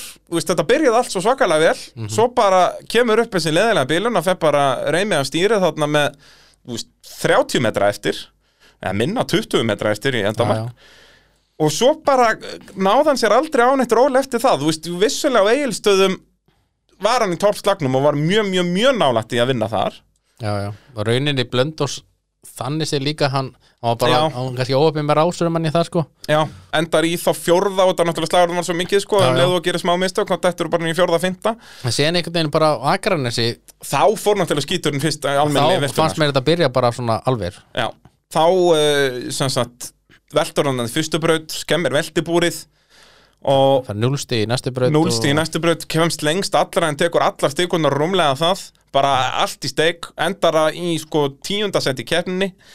Og svo já, lítið að frétta í hafnafyrði, endar þó fjórði þar. Já, en svona var aldrei, þar var hann ekki þú veist, það var öðruvísi keppni heldur en til dæmis Blöndós hann enda fjórða Blöndós en hann var alveg, var líkur á að myndi vinna á tíma þú veist, var hann ekki þá líka í vesen í tímabröndinni jú, Á þá, þá mista hann að hliðinu. Alveg bakka. þurfti að bakka á eitthvað. Og hérna, en í hafnafyrði einhvern veginn var hann aldrei, fannst manni þú veist, hann var aldrei í toppslagnum sko. Nei, hann var alltaf bara svona næstum því en, en það var bara svo erfitt. Brautina voru kannski svo erfitt að vinna sig upp. Já þær voru svolítið þannig það var ekki mikið sko erfiðum hindrunum til að byrja með það svoleiðis, þetta var svona kerðist allt mjög svipað sko. Svo var hann alltaf þýmtubraut þar sem Já. enginn var mun að fara þá velt hann Já. og svo var þetta alltaf auðveldar og auðveldar sem að fleiri fóru í hana Akkurat, endað á að vera bara lögavegur hérna í endan, sko. Þannig er alltaf hægt að benda á svoleiðis, náttúrulega. Uh, og svo náttúrulega Akureyri bara disaster frá fyrstu braut, sko. já, í rauninni sko Veltur að velta hann ekki, nei, hann bara komst ekki upp barðið í fyrstu brautinni. já, hann bara stekkur hann upp bara og, og, Og bara búið. og mikið frákast bara Svo, hérna, bilar bílinn í tímabrautinni, eða það ekki? Jú, Og bara alveg brjálaður í lokin? Já, þetta er ásamlegt, fá gott ramma Þannig að, já, tímabilið í fyrra mjög mikið svona næstum því en, en þú veist, hann síndi alveg að hann, hann var ennþá með þetta. Já, já, já, já. Þú veist, var náttúrulega bílinn búið að breyta bílum mjög mikið Þór breyti bílum mikið og, Mm. og hann svona þurfti eitthvað aðeins að venjast því en þú veist, það er valla afsökun því hann stóð sér best í fyrstu keppninni, sko. Hann fór vestnandi Já, já, já. Þannig að, að hérna, ég veit ekki hvort það hafi endilega verið það en, en já, það er eins og með þessu nöfn sem vorum að tala um Snorri verður í toppslagnum. Og ég menna, það, það, það verður ekki annað svona tímbil, það bara getur ekki verið. Nei, og veist, og, veist þeir sem setja ekki snorra í topparóti þá þurfa þær eitthvað að fara skoða sig eitthvað Já, já, út af vissulega, hann endar fjórði í Íslandsmótinu en hann var Já, samt já. í topparatunni í flestöldum keppnin það var bara í rauninni Akarnes og, jú, Akureyri sem hann er ekki í toppslag. Já, já, svo, veist tvekja þetta keppni, kannski, ég veit ekki, kannski hendur hann betur Já, veist, hann var segur hann allavega á hellu 2016, Mhm. síðast að við tvekja þetta keppni þar. Þannig að, og hann var mjög segur á hellu núna þannig að, að ég hugsa að hendi snorra vel eins og við tölum um áðan að, að, að byrja þar. Já, veist, og svo, ég held að tvekja þetta keppni sé nú bara meira aldrei með heldur, sko. Veist, þú keppi fyrir daginn lendir í topp þreymur og ég held að sé alveg, veist erfitt að koma sér þess að halda áfram. Já, og kannski líka sko ef að þú lendir í bastli, við höfum séð þetta oft ef að aukumaður gerir eitthvað feil snemma í keppni, Mhm. þá eitthvað neginn þetta er eitthvað úr dampi Já, við sjáum þá- þetta já. mjög oft í torfærinni mm Ef Ah. sest á kvíðin í fyrstu braut og fær veist, 15 stig, bara eins og Snorri ger á Akureyri veist, fekk 20 stig eða hvað það var og stundu verður bara keppni bara framhald því, bara kannski menn á ekki alveg að stilla sér inn Já, og bara, þú veist, út að þeir vita þeir þurfa alltaf að vera að vinna sig upp og eitthvað, veist, og þá er spurning bara hvernig mindsetið er að, að þú þarft að ná að restarta þér Mhm. þarna á einu kvöldi í rauninni huga fara nefnilega held ég í torfæri skiptir alveg gífulegu máli, meira heldur en maður heldur sko. Ég held að bara rosalega miklu máli alveg þetta bara í öllum íþrótum bara, veist, ef hugafarið er rétt og vel stemdur þá keirur allt öðruvísi sko. Já, ég held sérstaklega í þessum sko, ef við tölum um motorsportin sko, eins og við vitum þetta er náttúrulega í öllum íþróttum en meira í einstaklingsíþróttum held ég heldur en liðsíþróttum Já, og þá er þetta allt undir þér komið. Og, og í motorsportinu þá finnst mér sérstaklega þetta vera í þessum greinum þar sem þetta er bara svona one shot veist, og þá aðalega á Íslandi er þetta finnst mér driftið og já, þar sem að hugafæri skiptir ótrúlega miklu máli. Þú ert búin að vera að horfa á anstæðingin eða þú ert ekki búin að vera að horfa á anstæðingin allt þetta. A- að ég held að þetta sé kannski eitthvað sem aukuminn íslenski torfæri er ekki að pæla jafn mikið í og þeir eiga að vera að gera já, þú veist, ef þú ert með virkilegan metnað og ætlar virkilega að vera Íslandsmeistari í torfæri þá áttu bara að vera að tala við íþróttasálfræðinga og bara uh, græja þennan hluta alveg jafn mikið og hafa bílinn í lægi sko.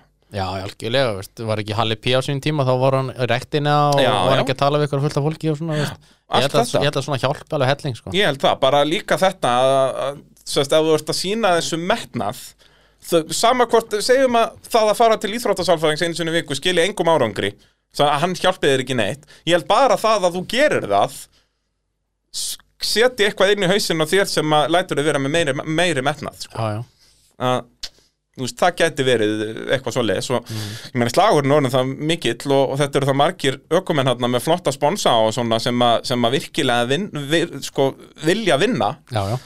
Að að það er, geti alveg verið að þetta sé að fara að þróast í ykkur svona átt út að ég held að íslenska torfæran sé ég eitt af þessum íþróttum það sem að hausinn skipti rosalega miklu máli Já, veist, bara, veist, margir segja reyndar leið og setur hjálminn af þá fer heilinn í burtu sko. Já, já, setur hjálminn á þig sko þá hérna, skilur heilan eftir Já. í fyrsta hliði sko en veist, ég held að það skiptir bara miklu máli að bara hvernig þú stemdir í keppni þú í vondu skapi eða eitthvað svona þá keirur þú bara eftir því sko. Já, þú veist, hversu oft höfum við heyrt sögur bara eins og frá gestum mínum hérna í motovarpinu sem hafa talað um þetta bara að já, þessi keppni aðna, þú bílinn bilaði morguninn og ég var bara eitthvað Já, pyrraður já. og bara allt fór fjandans til, skilur veist, og allir um nóttina alveg á fullu veist, svona, held að svona hafi áhrif sko. Algjörlega Þannig að, þetta er svona einn af þessum þannig að það er ekki bara undirbúa bílinn þarf þetta undirbúa sjálfæðilega líka sko. Nákvæmlega það er, sem sem Þannig að já, já, hvað veit ég? Uh, Næstur á blaði, Atli Jamil Áskesson Hann náttúrulega kom hann inn bara á Blöndósi Og fór bara beint í toppslægin Og endar á að vinna síðustum fyrir á Akureyri. Já, já, uh, En mér skilst að hann verð ekki með í ár.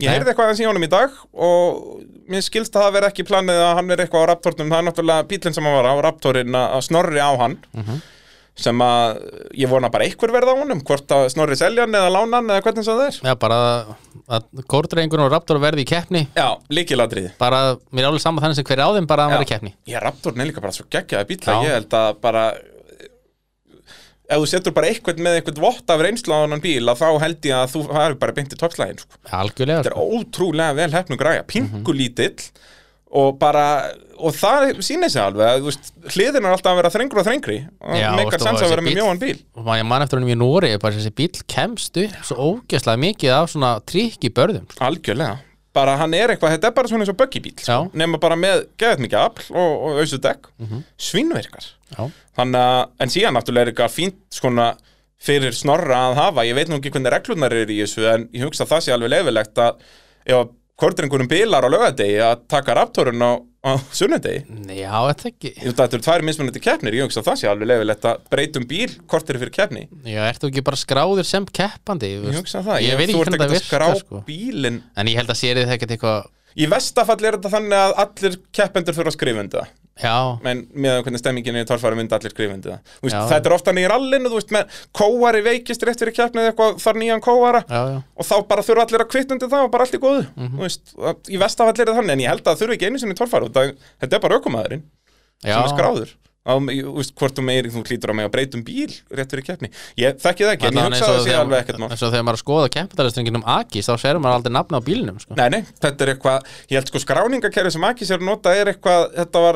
er að er er að er sérst forritað upprunnilega fyrir hjólareiðakeppnir Já, ok. Og þeir veru bara svona búin að breyta því að segja þér en þess vegna fáum við aldrei að sjá bílinn sko, að, Og verður þetta mjög gaman að geta séð það alltaf bara þó það sé bara já það er eiginlega bara nöðsynlegt sko, ég hvet ekki til að reyna að græja það eitthvað og þetta er mjög böggandi að sjá ekki bílinn. Kemur alltaf eitthvað nýtt nafn og veit ekki hver þetta er og þá veit maður ekkert. Já og bara í öllum þessum greinum sko, Já, já. Og, og hérna í rallycrossinu og driftinu og öllu þessu að, að, þegar það eru margir keppendur og maður þekkir ekki öll nöfnin sko. Það er líka þægilegt fyrir okkur þegar maður er kannski reyna að vinna efnið og... já, já þessi, er þessi á kórólinu það er heppilegt sko. Uh, svo í sjötta seti Íslandsmótinu nafn sem að ég er mjög spenntur fyrir árið 2022 Þórður Alli Guðniðason. Mm nýleiði í fyrra, endar í sjötta seti Íslandsmótinu og, og nær sínu besta árangri í loka keppninni þetta bara grafið var svolítið mikið að fara bara upp hjá honum. Þetta er þarna hvað fær 6 stig á, á hellu svo 2 stig, 2 stig 12 stig á uh, hvað er fjórðaumferðin? Akranesi. Akranesi akkurat, það var bara hálfsbrut frá því hann á velunapalli og, og svo 6 stig í hafnafyrðinum og svo velunapallurinn loksins kom hann annað sætið á, á Akureyri með all svaðalegri veltu í, í loka brauð tímumbilsins og það er, ég hef margóft verið að tala um þetta hérna í mótavarpinu hvernig mér finnst þessi leið betri ef þú ætlar að vera góður aukumæður fljótt og hún sé kannski kostnaðarsami og meira vesen en það er að vera ofviltur þegar þú þarft að skrúa þig niður frekar en að skrúa þig upp. Já, já. Við sjáum það, þú veist, að aukumenn hafa verið að máta börð í sko 5-10 ár án þess að röra í þau en ef þú byrjar á að röra í þau og þarft síðan bara að átta þig á hversu mikið og, og hvaða stefna og svoleiðis virkar að, að þá ertu fljótari að, að læra að komast upp barðið. Já, já. Og Þórður allir svo sannarlega fór þessa leið Heldur betur, veltukongurinn og tilþrjáfakongurinn og heit ekki hvað, hvað? Allur pakkinn sko og, og hérna bara því líka innkoman sem kemur með hann að kaupir Íslandsmeistara bílinn og, og grimmur ökumæður bú- náttúrulega mikill tækja kall búin að vera mikið á öllu þessu snjósliðum og jeppum og allir saman sko með flott lið í kringum sig hérna frá, frá hellu. Þannig að Þórður allir hann mun hann stimpla sig inn í toppslægin heldur? Eða verður hann aftur svona mun eiga einn og einn velunapall en heldur hann sé komið til að vera núna þú veist, ég hugsa að minni, veist, þetta eru svo svakaleg nöfn hann á Já, já, já ég, það er helvít erfitt að ná að stimpla sig hann inn sko. Já, ég er svo sem, ég held að nefnum voru ekki, eitthvað bara um titil kannski, maður veit svo sem aldrei nei. En ég held að muni potti taka ykkur helga sem að, að þessum þrem helgu sem að verður alveg í toppáratu, sko en það er eins og þarna, það eru bara fjórar helgar Já, já. og ef hann tekur tvær í topparáttuna þá er hann komin í Já, titilslag já, sko. mögulega, sko Þannig að að- það finnst kosturinn kannski við tvekja þetta helgana, sko já. En Að- ég held að hann verður pottit á palli í ykkurum keppnum, sko. Alveg pottit, sko.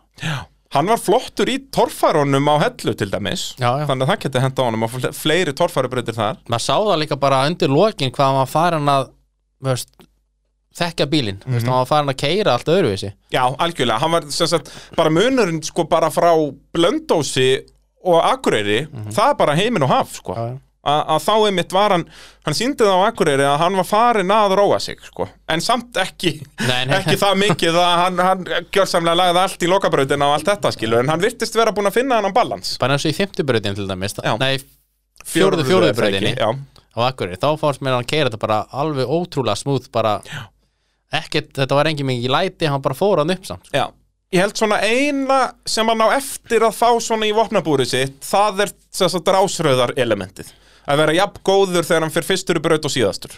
Sagt, ef við gerum ráð fyrir að brautin breytist ekki mjög mikið að þetta, og þetta er 100% hugarfarsdæmi að, að þurfi ekki að treysta á línur frá öðrum. Vissulega hjálpar, við vitum alveg að það hjálpar að sjá hvað virkar og hvað ekki en við sjáum líka að bestu ökumennir eru mjög góðir í að fara snemma í brautir. A, a, og ég held að þetta sé svona einu hluturinn sem að Þórð vantar að geta verið þarna einn af fyrstu þreymur bílum í braut og fá meira en 150 steg veist, við sáum það svolítið mikið síðasta tíumbil að þegar hann var snemmað í brautum þá var hann yfirleitt að tapa 100 steg og með ekki meira á, á topp ökumennina Já, bara eins og Akranir sem hann var fyrstur í mitt síðustu breytina Ég mitt hjálta að mitt samt pottið láta vaða sko. Já, En hann mátaðurinn, ef hann hefði látið vaða hann örgulega fara á tappallin sko. Algjörlega. Hann hefði pottið látið vaða ef hann hefði verið ef hann hefði séð einhvern annan farið upp. Já, allir var hann alltaf held í stuttu eftir honum. Já, en þarna bara er en það líka sennilega hjálpaði alla þar að sjá heyrðu býtu, hann Já, það, já. þú veist, hann stökk ekkert aftur á baki eða eitthvað, þetta geti verið fært Já, skilur. og það er náttúrulega líka, þetta er náttúrulega ekki bara hugafærstæmi, þetta, þú verður að sjá hvernig hinir bílarnir fari í þetta. Já, svo náttúrulega er náttúrulega eins og br- sprauta skoðun náttúrulega getur líka skipt svo ótrúlega miklu máli sko. og það er líka líki latri að vera með góða menn í kringu þig. Ég veit nú ekki með Þórð ég, Þórður er ekki með neina svona kempu kringum sig eða er þetta ekki mest allt svona frekar unglið hjá hann Ég held það. Mér minnir það, svona ef maður sér fer yfir hópin, þú veist, það gæti verið sniðut ef hann þú veist, að reyna að fá eitthvað svona kempu með honum sem svona liðstjóra eða þannig að, með honum í, í brautaskoðun og svo leiðis, en þó að hann var nú alveg búin að mastera þetta svolítið hann í lokin, sko, þannig að já. kannski er það líka ekkert endilega betra ef að, ef að þú ef þér finnst vera að koma í tilfinninguna sjálfur, sko Já, já, svo náttúrulega erum við kannski ávallt með kannski með messir sem að trista mest veist, sem eru veist, yfir liðinu eða veist, liðstjórin náttúrulega. Akkurat, akkurat. Svo náttúrulega bara að fá annað, annað svona veist, álit á það sem þú ert að hugsa. Já, akkurat, að hvort að það sé eitthvað sniðut eða ekki, sko, að hérna, það geti hjálpað. En Þórður Alli hafur ánefa virkilega gaman að fylgjast með honum í hverju einustu braut árið 2022 hann síndi það alveg árið 2021 að, að, og núna í rauninni eru bara hæfileikarnir orðinni meiri, reynslan meiri. Þannig að þetta verður góð blanda tilþrifum og, og vonandi einhverjum árangri líka fyrir hann. Já, algjörlega sko. og uh, þá er næsta nafn sem að uh, ég er líka mjög peppaður fyrir. Guðmundur Eliasson Já. hann er búin að vera þessi næstum því maður núna í allt á mörg ár og hann er samt sko bara, hvað hann er ekki 20 og já, hann er ekki neitt sko, hann var bara eh, á hann ekki fermast í vor bara, eitthvað svo örugglega. það er eitthvað þannig en já, já, þetta er náttúrulega engin hann á eftir, hann á alveg svona góð 30 ár eftir í, í toppslagnum sko. Já, og það eru náttúrulega stóra fréttir líka sko. já, það hefur verið að smíða nýjan bíl í Vík já, já það, mér, mér skilst að þetta sé svona ég raunir bara verið að skipta um grind. Þeir tóku bara allt úr ótemjunni sýnist mér og sérst hásingar og, og kram og, og það og er að smíða nýja grind sem er þá sem sagt aðeins öðruvísi, kannski eitthvað aðeins breyttur þingdapunktur, læri eða hvað það er og, og ég er nú búin að skoða við erum búin að skoða myndir það er okkar, okkar allra besti uh, á Vík, hann, binn okkar uh, er að hjálpa okkur að skúpa þessu en þetta náttúrulega verður allt aðgengilegt inn á heimasíðu liðsins Ah. bara á föstudaginn skilst mér Já, það er Ah, ekki 870 racing.is eða? Punktur is, jú, Já. það er nákvæmlega svo leiðis að hérna þetta og verður komið vídeo, timelapse vídeo af smíðin og eitthvað. Þetta er allt mjög áhugavert stöf sem ég er mjög peppaður fyrir. Og hérna bílinn lítur vel út. Þetta er svona, þetta er svolítið svona norski, norski bragurinn finnst mér. Uh, ertu ekki, ertu ekki sammála því að hérna? Jó, þetta er alltaf nekkit eitthvað endilega Þetta er ekki íslenski kórdrengurinn Nei. allavega, þetta er svona aðeins meira kassanlega og svona, mér sýnist hann vera aðeins stýttir milli hjóla heldur en uh, ótemjan var og eitt líka sem við vildum bæta er svona aðgengi að öllu, skilt mér að, að það var pínu vesen að koma að hlutunum í ótemjunu erfitt að gera við hana, þannig að þeir ætla að reyna að laga það og, og eins og segi, bara býðið spennt. Á föstudaginn koma myndir og vídeo inn á 870racingteam.is er það. Uh, og bara öruglinn á Facebook síðun á Instagramið og allt. Þeir eru að koma virkilega sterkir inn á, á samfélagsmiðlum núna og uh, ég fíla það þá var að fara að segra heiminn. Það er alltaf gaman þegar menn eru duglegir á samfélagsmiðlunum sko. heldur betur. Og þetta er eitthvað sem ég er peppað fyrir að sjá Guðmund Eliasson á, á, á nýjum bíl. Vonandi engar helviti spilanir hann er búin að vera svaka lóapinn með þetta. Alveg rosalega og, en hefur margótt sínt að þegar allt gengur upp að þá heldur betur gengur það upp. Náði veljónapallin náttúrulega núna á uh, Í hafnafyrðinum þriðasendi þar og var fyrir það búin að ná allavega einum veljónapallin við maður rétt, þá var Já, ekki blöndósi já. 2019 Já, og hérna þannig að hann á fullt erindi í hennar toppslag. Ég hugsa hans ég ennþá alveg einu tímabili frá því.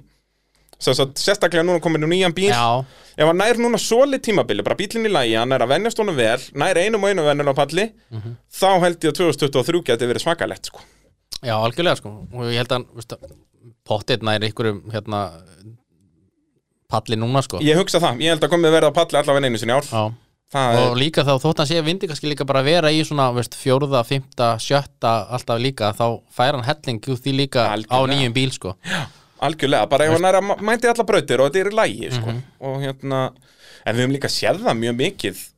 Og ef maður fer að pæla í þessum tveggjata keppnum undanfærin ár, þú veist eins og þetta var á Akarnesi og svona að þetta hafa oft verið mjög svona svart og hvít keppnir það er mjög sjaldan sem það er sami sigurverð þú veist eins og Akureyra keppnar líka. Það var mjög oft sem að einhver vann fyrir daginn og kveld skeitt setni daginn. Já, já, og eða öfugt sko. Eða öfugt skiluru að hérna, það er mjög sjaldan var það ekki þú veist ein Akureyra keppnum manni var það ekki allir sem vinnur fyrir daginn og Þór annan, ég man ekki í hvað öð það var. Ef allir vann fyrir daginn og svo fór bara allt í steiki í setni ég segja það sko fóru og, báður og, og, og fóru, Þór var í tómubasli fyrir daginn og síðan pakkar hann setni daginnum og eitthvað, þú veist. Já, og Akarnes keppnin þegar að það er sko, var það ekki Ingo vinnur aðra og Haukur hina já, já, báður að vinna sinna fyrstu keppni ég segja það sko, þannig að það er líka áhugavert með þess að tvekja daga keppnir, hvernig þetta svona Vann ekki Gísli og Egilstöðum núna 2018 í akkurat. Nes? Og svo kláraði allir líklega. Já, alltaf hana meistari. Gísli slansa sig náttúrulega á þessum stökkpall sko. þannig að, já, það er áhugavert. Uh, Ásmundur Ingjalds, við þurfum ekki að tala um hann hann er uh, hættur í bili búin að, selja bombuna og uh, ég er ekki að segja, hann er bara í pásu hann er ekkert hættur. Þú Nei, hættir ekkert í þessu. Nei, vonandi ekki allavega Nei, nei, nei, nei það, hann mun falla í þetta aftur, það er ekki nokkuð spurning. Uh, Svo svona, já, þessi nöfn sem að gætu komið ávart og ég er alveg nokkuð við sem að munu koma ávart uh, Fjölnir Guðmanns, Sigurður Ingi Sigursson og Aron Ingi Svansson Já, Ef hann- við byrjum kannski, ef við endum Aronið þarna, það eru náttúrulega stóra fréttir þar og náttúrulega Jóhann Gunnlaugs á, á að vera á þessum lista líka. Hann mun sennilega alveg taka full season á, á uh, Thunderboltinu Ertu ekki búin að heyra það? Nú, það er komin í driver þar sko. Býtu, jú, heyrðu alveg rétt, býtu, ég sá eitthvað um þetta. Hvað, Ég hvað er skupið þar? Það er hérna, hann, uh, ég mani hvað heitir hann ekki, Jón Jú, Reynir. Jón Reynir. Já, hann tekur sér satt Hann ætlar að keppa núna. Já, Það líst mér ansið vel á, sko. Hann er náttúrulega búin að vera svona, svona liðstjórin þarna. Já, að Hann ætlar að, fara undir stýri, sko. Já, já Það verður áhugavert sko. Já, það er auðvitað, ég er búin að gleyma því. Jói Gullöks, hann, hann byrður nú mikvað. Já, já, og, og en það er áhört Ég hugsa að hann mun nú alveg taka nokkra keppnir aðeins að venjast þessu. Já, já, En Thunderbolt er náttúrulega flottur bíl og hann getur leikandi farið Mhm. að- að berjast. Það er bara gaman að sjá Alltaf gaman að sjá nýliða í þessu. Ja, algjörlega alltaf snilt, sko, Ingvar Jóhannesson hann náttúrulega, vonandi að hann fara að keppa meira. Já, hann náttúrulega náði pallið þarna í hafnafyririnn 2020 og svo er spurningin til þeim svo hann, veist að hvort hann, það er nú tvær, nei þrjár tveggjata helgar, hvort hann taki já, kannski teka það bara allar nákvæmlega, þetta eru bara fjórar helgar núna ekki, Já, já. ekki sex helgar, sko þannig að og því hann tók náttúrulega bara hvað Akureyri og Hafnafjörður núna og Hellu Já, það var svo leiðis já. akkurat Þannig að- og hérna Stefán Bjarnhíðins sömulegis, Já, já. maður vill sjá meira honum Mhm. Því að hann, við höfum alveg séð frá honum að hann á leikandi heima í toppslagnum, sko, þó hann síndi það kannski ekki fyrra en til það og svo náttúrulega draumurinn. Draumurinn, við viljum náttúrulega sjá hann meira maður, Mhm. það er líka svo geggjað apparat. Bæjur aftan og Ég segja það bara- afli. Nóg afli, nóg af þyngd líka og Já, bara klassíkin mætt sko. það er svoleiðis að þetta vera. En ef við förum aftur í þessan upp sem við rættum hérna Fjölnir Guðmannsson náttúrulega náði hérna top 10 í Íslandsmótinu á nýju efunni og, og hann var einhvern veginn bara alltaf að bæta sig. Algjörlega sko, það er greinilega þessi bíl henda honum algjörlega bara betur mjög flott smíði sko. hjá, hjá himma og félögum hérna í hafnafyrinum Já. og, og með þessu krami sem, a, sem að fjölnir settur í að bara svínvirkaði. Mhm. verður virkilega gaman að fylgjast með honum. Sigurður Ingi Sigursson uh, hann mætti náttúrulega með nýja vél í Jibbi í fyrra. Já, og gekk svona upp og ofan var ennþá alveg með þessi nýliða það var nýliða keimur af akturinum og það er bara eins og við var að búast. Og Siggi bara, hann náttúrulega hafa verið nóg að gera hjá honum, hann verður eins og, eins og önnur lið í, í rallycrossinu líka skilt mér. Já, búin að kaupa sér rallycrossbíl og ætlar að sigra heiminn þar. Þannig að, að hann verður flottur í þessu og ég trú ekki öðrun að hann muni bæta sig. Ég held að hann hafi verið þarna hvað í tíundasend í Íslandsmótinu eitthvað svo leiðis maður sá allan að mikill mun á honum frá 2020 til 2021 Já, og þar hann- held ég að vélinn hafi líka komið sterkinn sko, Hann er miklu í rauninni, núna komið meiri reynslu og, og verður skæður þú veist, að ég veit ekki hvort hann farið svo langt að ná velunapalli með öll þessi svakalegu nöfnarna, en hann verður alveg fjórða fimmtasættið í nokkrum keppnum spá ég sko. Hann geti alveg náð því, já. Og síðan náttúrulega bara, maður veit aldrei það getur allt gest í torfæru, hann getur leikandi Já, ná já, palli, já, já. það er, já, hann hefur það alveg, þú veist, við höfum séð að hann nær einn og einni braut gríðarlega vel, en hann á bara eftir að ná að Svona fín púsa já, hann á sex brautum í röð, sko, Já, já. veist, og í sömu keppninni. Kannski yfir heilt tímabil náðan sex brautum vel. En hérna, já, hann þarf aðeins meira svona consistency. Mhm. og það er nú bara leikillin að þessu. Svo eru náttúrulega stóru fréttindar, og þær komur vestmannegum það er Aron Ingi Svansson. Já, og það eru náttúrulega eh, tveir helkattar að fara að mæta og það er náttúrulega annan íliði sem ég glinda að minnast á áðan sem að ég trúi ætla að mæta heilt tímabil. Já, ég held það það er uh, helkattin, hvað heitir hann nú aftur? Þetta er ekki Jón Gísli? Jón Gísli alveg rétt sem. Tím Móri. Já, Tím Móri og hann hefur náttúrulega keft hann eina keppni á Insane í Hafnafyrði Já, já, þannig að hann svona fekk smjörþefin af þessu og geggjað apparat sem þeir eru að smíða þarna í Vestmannegjum maður. Þetta er svona allt, þetta er svona ekki þetta venjulega Nei, já, sem er alltaf skemmtilegra. alltaf skemmtilega að fá okkar nýtt þannig að Hellcat motor, bíllinn alveg pingu lítill og svona mjög spes í læginu en cool. Alveg já. svona hérna flæðandi línur og, og þeir voru að klára að smíða yfirbygginguna og núna og, og bara lítur ekkert smável út. Þegar búin að velta einu sinni. Búin að velta honum einu sinni þannig að það er heldur betur búið að vera að prófa það í Vestmannegum og, og hérna ég er bara virkilega peppaður að sjá þeir ætluðu að reyna að ná síðustu keppni fyrra náðu því ekki. Þannig að það þýðir bara ennþá meir undirbúningur og eins og við höfum séð það á samfélagsmiðlum hvetjum alla til að, fara hérna inn á uh, Team Móri á, á Facebookinu og hvað þetta heitir allt saman að tjekka þessu. Því að hann geta orðið skæður sko, með hvað hann er búin að prófa mikið búin að honum svona uh, og velti náttúrulega insane þarna líka í hafnafyrðinum veist, það er alveg hann er hugaður, það er óvænt að segja það. Og, og Aron Ingi Svansson á storminum sínum. Hann er mjög mikið að vinna bara ef að nágrannin gerir eitthvað þá gerir hann það líka. Það er svolítið svolítið, það er þegar að Maggi setti hondumótor í bílinn sinn að þá setti Aron hondumótor í bílinn sinn. Eh, ef að núna er það hinn nágrannin þá var sett Hellcat og þá var komin Hellcat ofan í storminn og vá hvað ég peppari við því já, algjörlega Ég sá eitthvað vídeo á hann daginn setja Já. í gang og svona og keira þess að keira þessum götturnar bara, hann var að keira með hann í bóttismíði skilst mér Já, það er helviti flott sko. Ég heldur betur, það, það er nú ekki mikið plásaðna fram í storminum en þeir náða að skvísa þess einhvern veginn hann inn. Og það er náttúrulega líka keppandi sem geti alveg farið í topparáttu líka. Já sko, ég er alltaf að segja þetta. Eða ég, svona, veist, hann, hann, á, hann á möguleikan á því sko. Hann, hann kemur alltaf með þessar flottur rispur sko, en það já. vantar ennþá konsistansi og, og ef það er ekki komið núna, hvenar kemur það? Hann er búinn að keppa hvað síðan 2015 eða ekki? Jú, eða 14 held ég 14, 14, 15 og veist, það er 2022 í dag hann er búinn að vera að keppa mjög mikið. Hefur vissulega svolítið verið að breytum bíla og breytum vélar og allt þetta sem að, þú veist eins og núna mér finnst þetta algjör óþæri sem hann er að gera.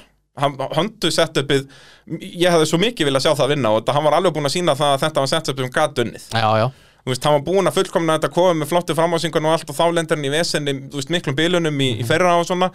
En, en bara vissulega áhugavert að fá helkattin inn í þetta. En, en Aron hann verður bara að fara að vera meira konsistent hann á alltaf geggjaða brautir og þú veist, hefur verið á velunapalli en, en, en já, einhvern veginn, mér fannst hann það var alveg á pari við snorra svekkelsi hvernig Aron var í fyrra sko, bæði náttúrulega bílanir og, og aksturinn stundum Hann sko. var alltaf búin að æfa sig svo mikið Sá- Horsa á maður sko. Já, já, ég. komnar beigjurnar almennilegar og já, bila strax á eigilstöðum Mhm. fer svo headpakning hérna á Akranesi og bara svona eh, leiðind eftir leiðindi sko. Mhm. þannig að það er kannski spurning hann var bara komið nóga þessu hondu helvít vill bara fá helkatt en, en já, ég áhugavert svo innilega já, ég vona svo innilega að Aron rífi sig í gang núna og fari bara stimplið sig inn bara í toppslægin í öllum keppnum Já, Hann var náttúrulega í toppslagnum, var það ekki á blöndósu sem hann er þarna einn af þessum fimm sem voru gáttu allir unnið. já einn af þessu sjö eða eitthvað Já, það sjö eða eitthvað, já, fyrir síðustu braut gáttu sjö unnið. Ég held hann hafi verið í sjötta eða fimmta sæti, og sjötta, sjötta, ég maður ekki hvað það eitthvað, var en samt bara 100 stífum eftir fyrsta Já, þetta já. var náttúrulega svo störtlaðan slagur. Þannig eins og segja, hann hefur, svo, hefur margótt sínt þetta, hann á fullt erindið þarna, en, en það bara hefur ekki alveg gengið upp og mikið vona ég að þetta fara að smetla hjá hann núna í ár. Algjörlega sko Það er bara nákvæmlega svoleiðis. Uh, Páll Jónsson, Palli Rolla Hann er náttúrulega búin að selja rolluna eða ekki? Jú, Vitum við hvað meira, hann er hann að smíða Hann er að smíða eða ekki? Hann er að smiða nýjan, jú. Vitum við hvort hann verið með í ár? Ég glemt alveg að heyri í honum. Ég veit það ekki, það er vonast yfir þess. Já, við förum yfir þetta bara fyrir fyrstu kefni Já, En það ekki, við tökum bara þegar komið ráslisti fyrir, fyrir hellu Þá tökum við spjallið það ekki, Jafnvel að fá kára með okkur líka, það Já. verður veistla Sjá hvernig, sjá hvernig sko landi liggur sjá hvernig landið liggur og bara heyra líka frá keppnistjóra, ég hef verið að fá svolítið fyrirspurnir um þetta sko, að bara heyra frá keppnistjóra hvernig maður heldur motorsportkeppni sko. Já, það geta alveg verið gaman sko. það er hellingsvinna held ég já og bara svona gaman að heyra þær sögur sko. Já, þannig að, að við græjum þetta allt þegar að, að tímabilið nálgast þetta var fýtt svona uppbytuna þáttur fýtt uppbytuna þáttur sko, það fer að styttast í þetta Það er bara Já. svo leiðis. Uh, það er voru ná fullt af skemmtilegum gestum í mótorvarpið á næstunni eins og við talaðum hérna.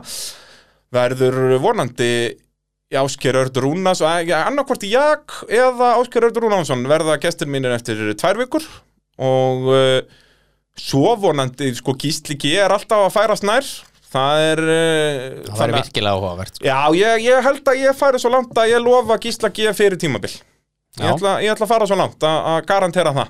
Þannig að nú er ég búin að segja það og þá verði ég að gera Lýst vel að það. Það er svolítið svo leiðis Þannig að það er nóga frábæru efni framundan hér í mótorvarpinu. Allt saman í bóði AB Varahluta, Ólís, Tækjaflutninga Norðurlands, Bíljöfurs og Bíla.sins Jakob, takk kærlega fyrir spjallið. Já, takk sem leist og hlustendur góðar, takk fyrir að hlusta. Og eh, já, þanga til eftir tvær vikur. Bless, bless.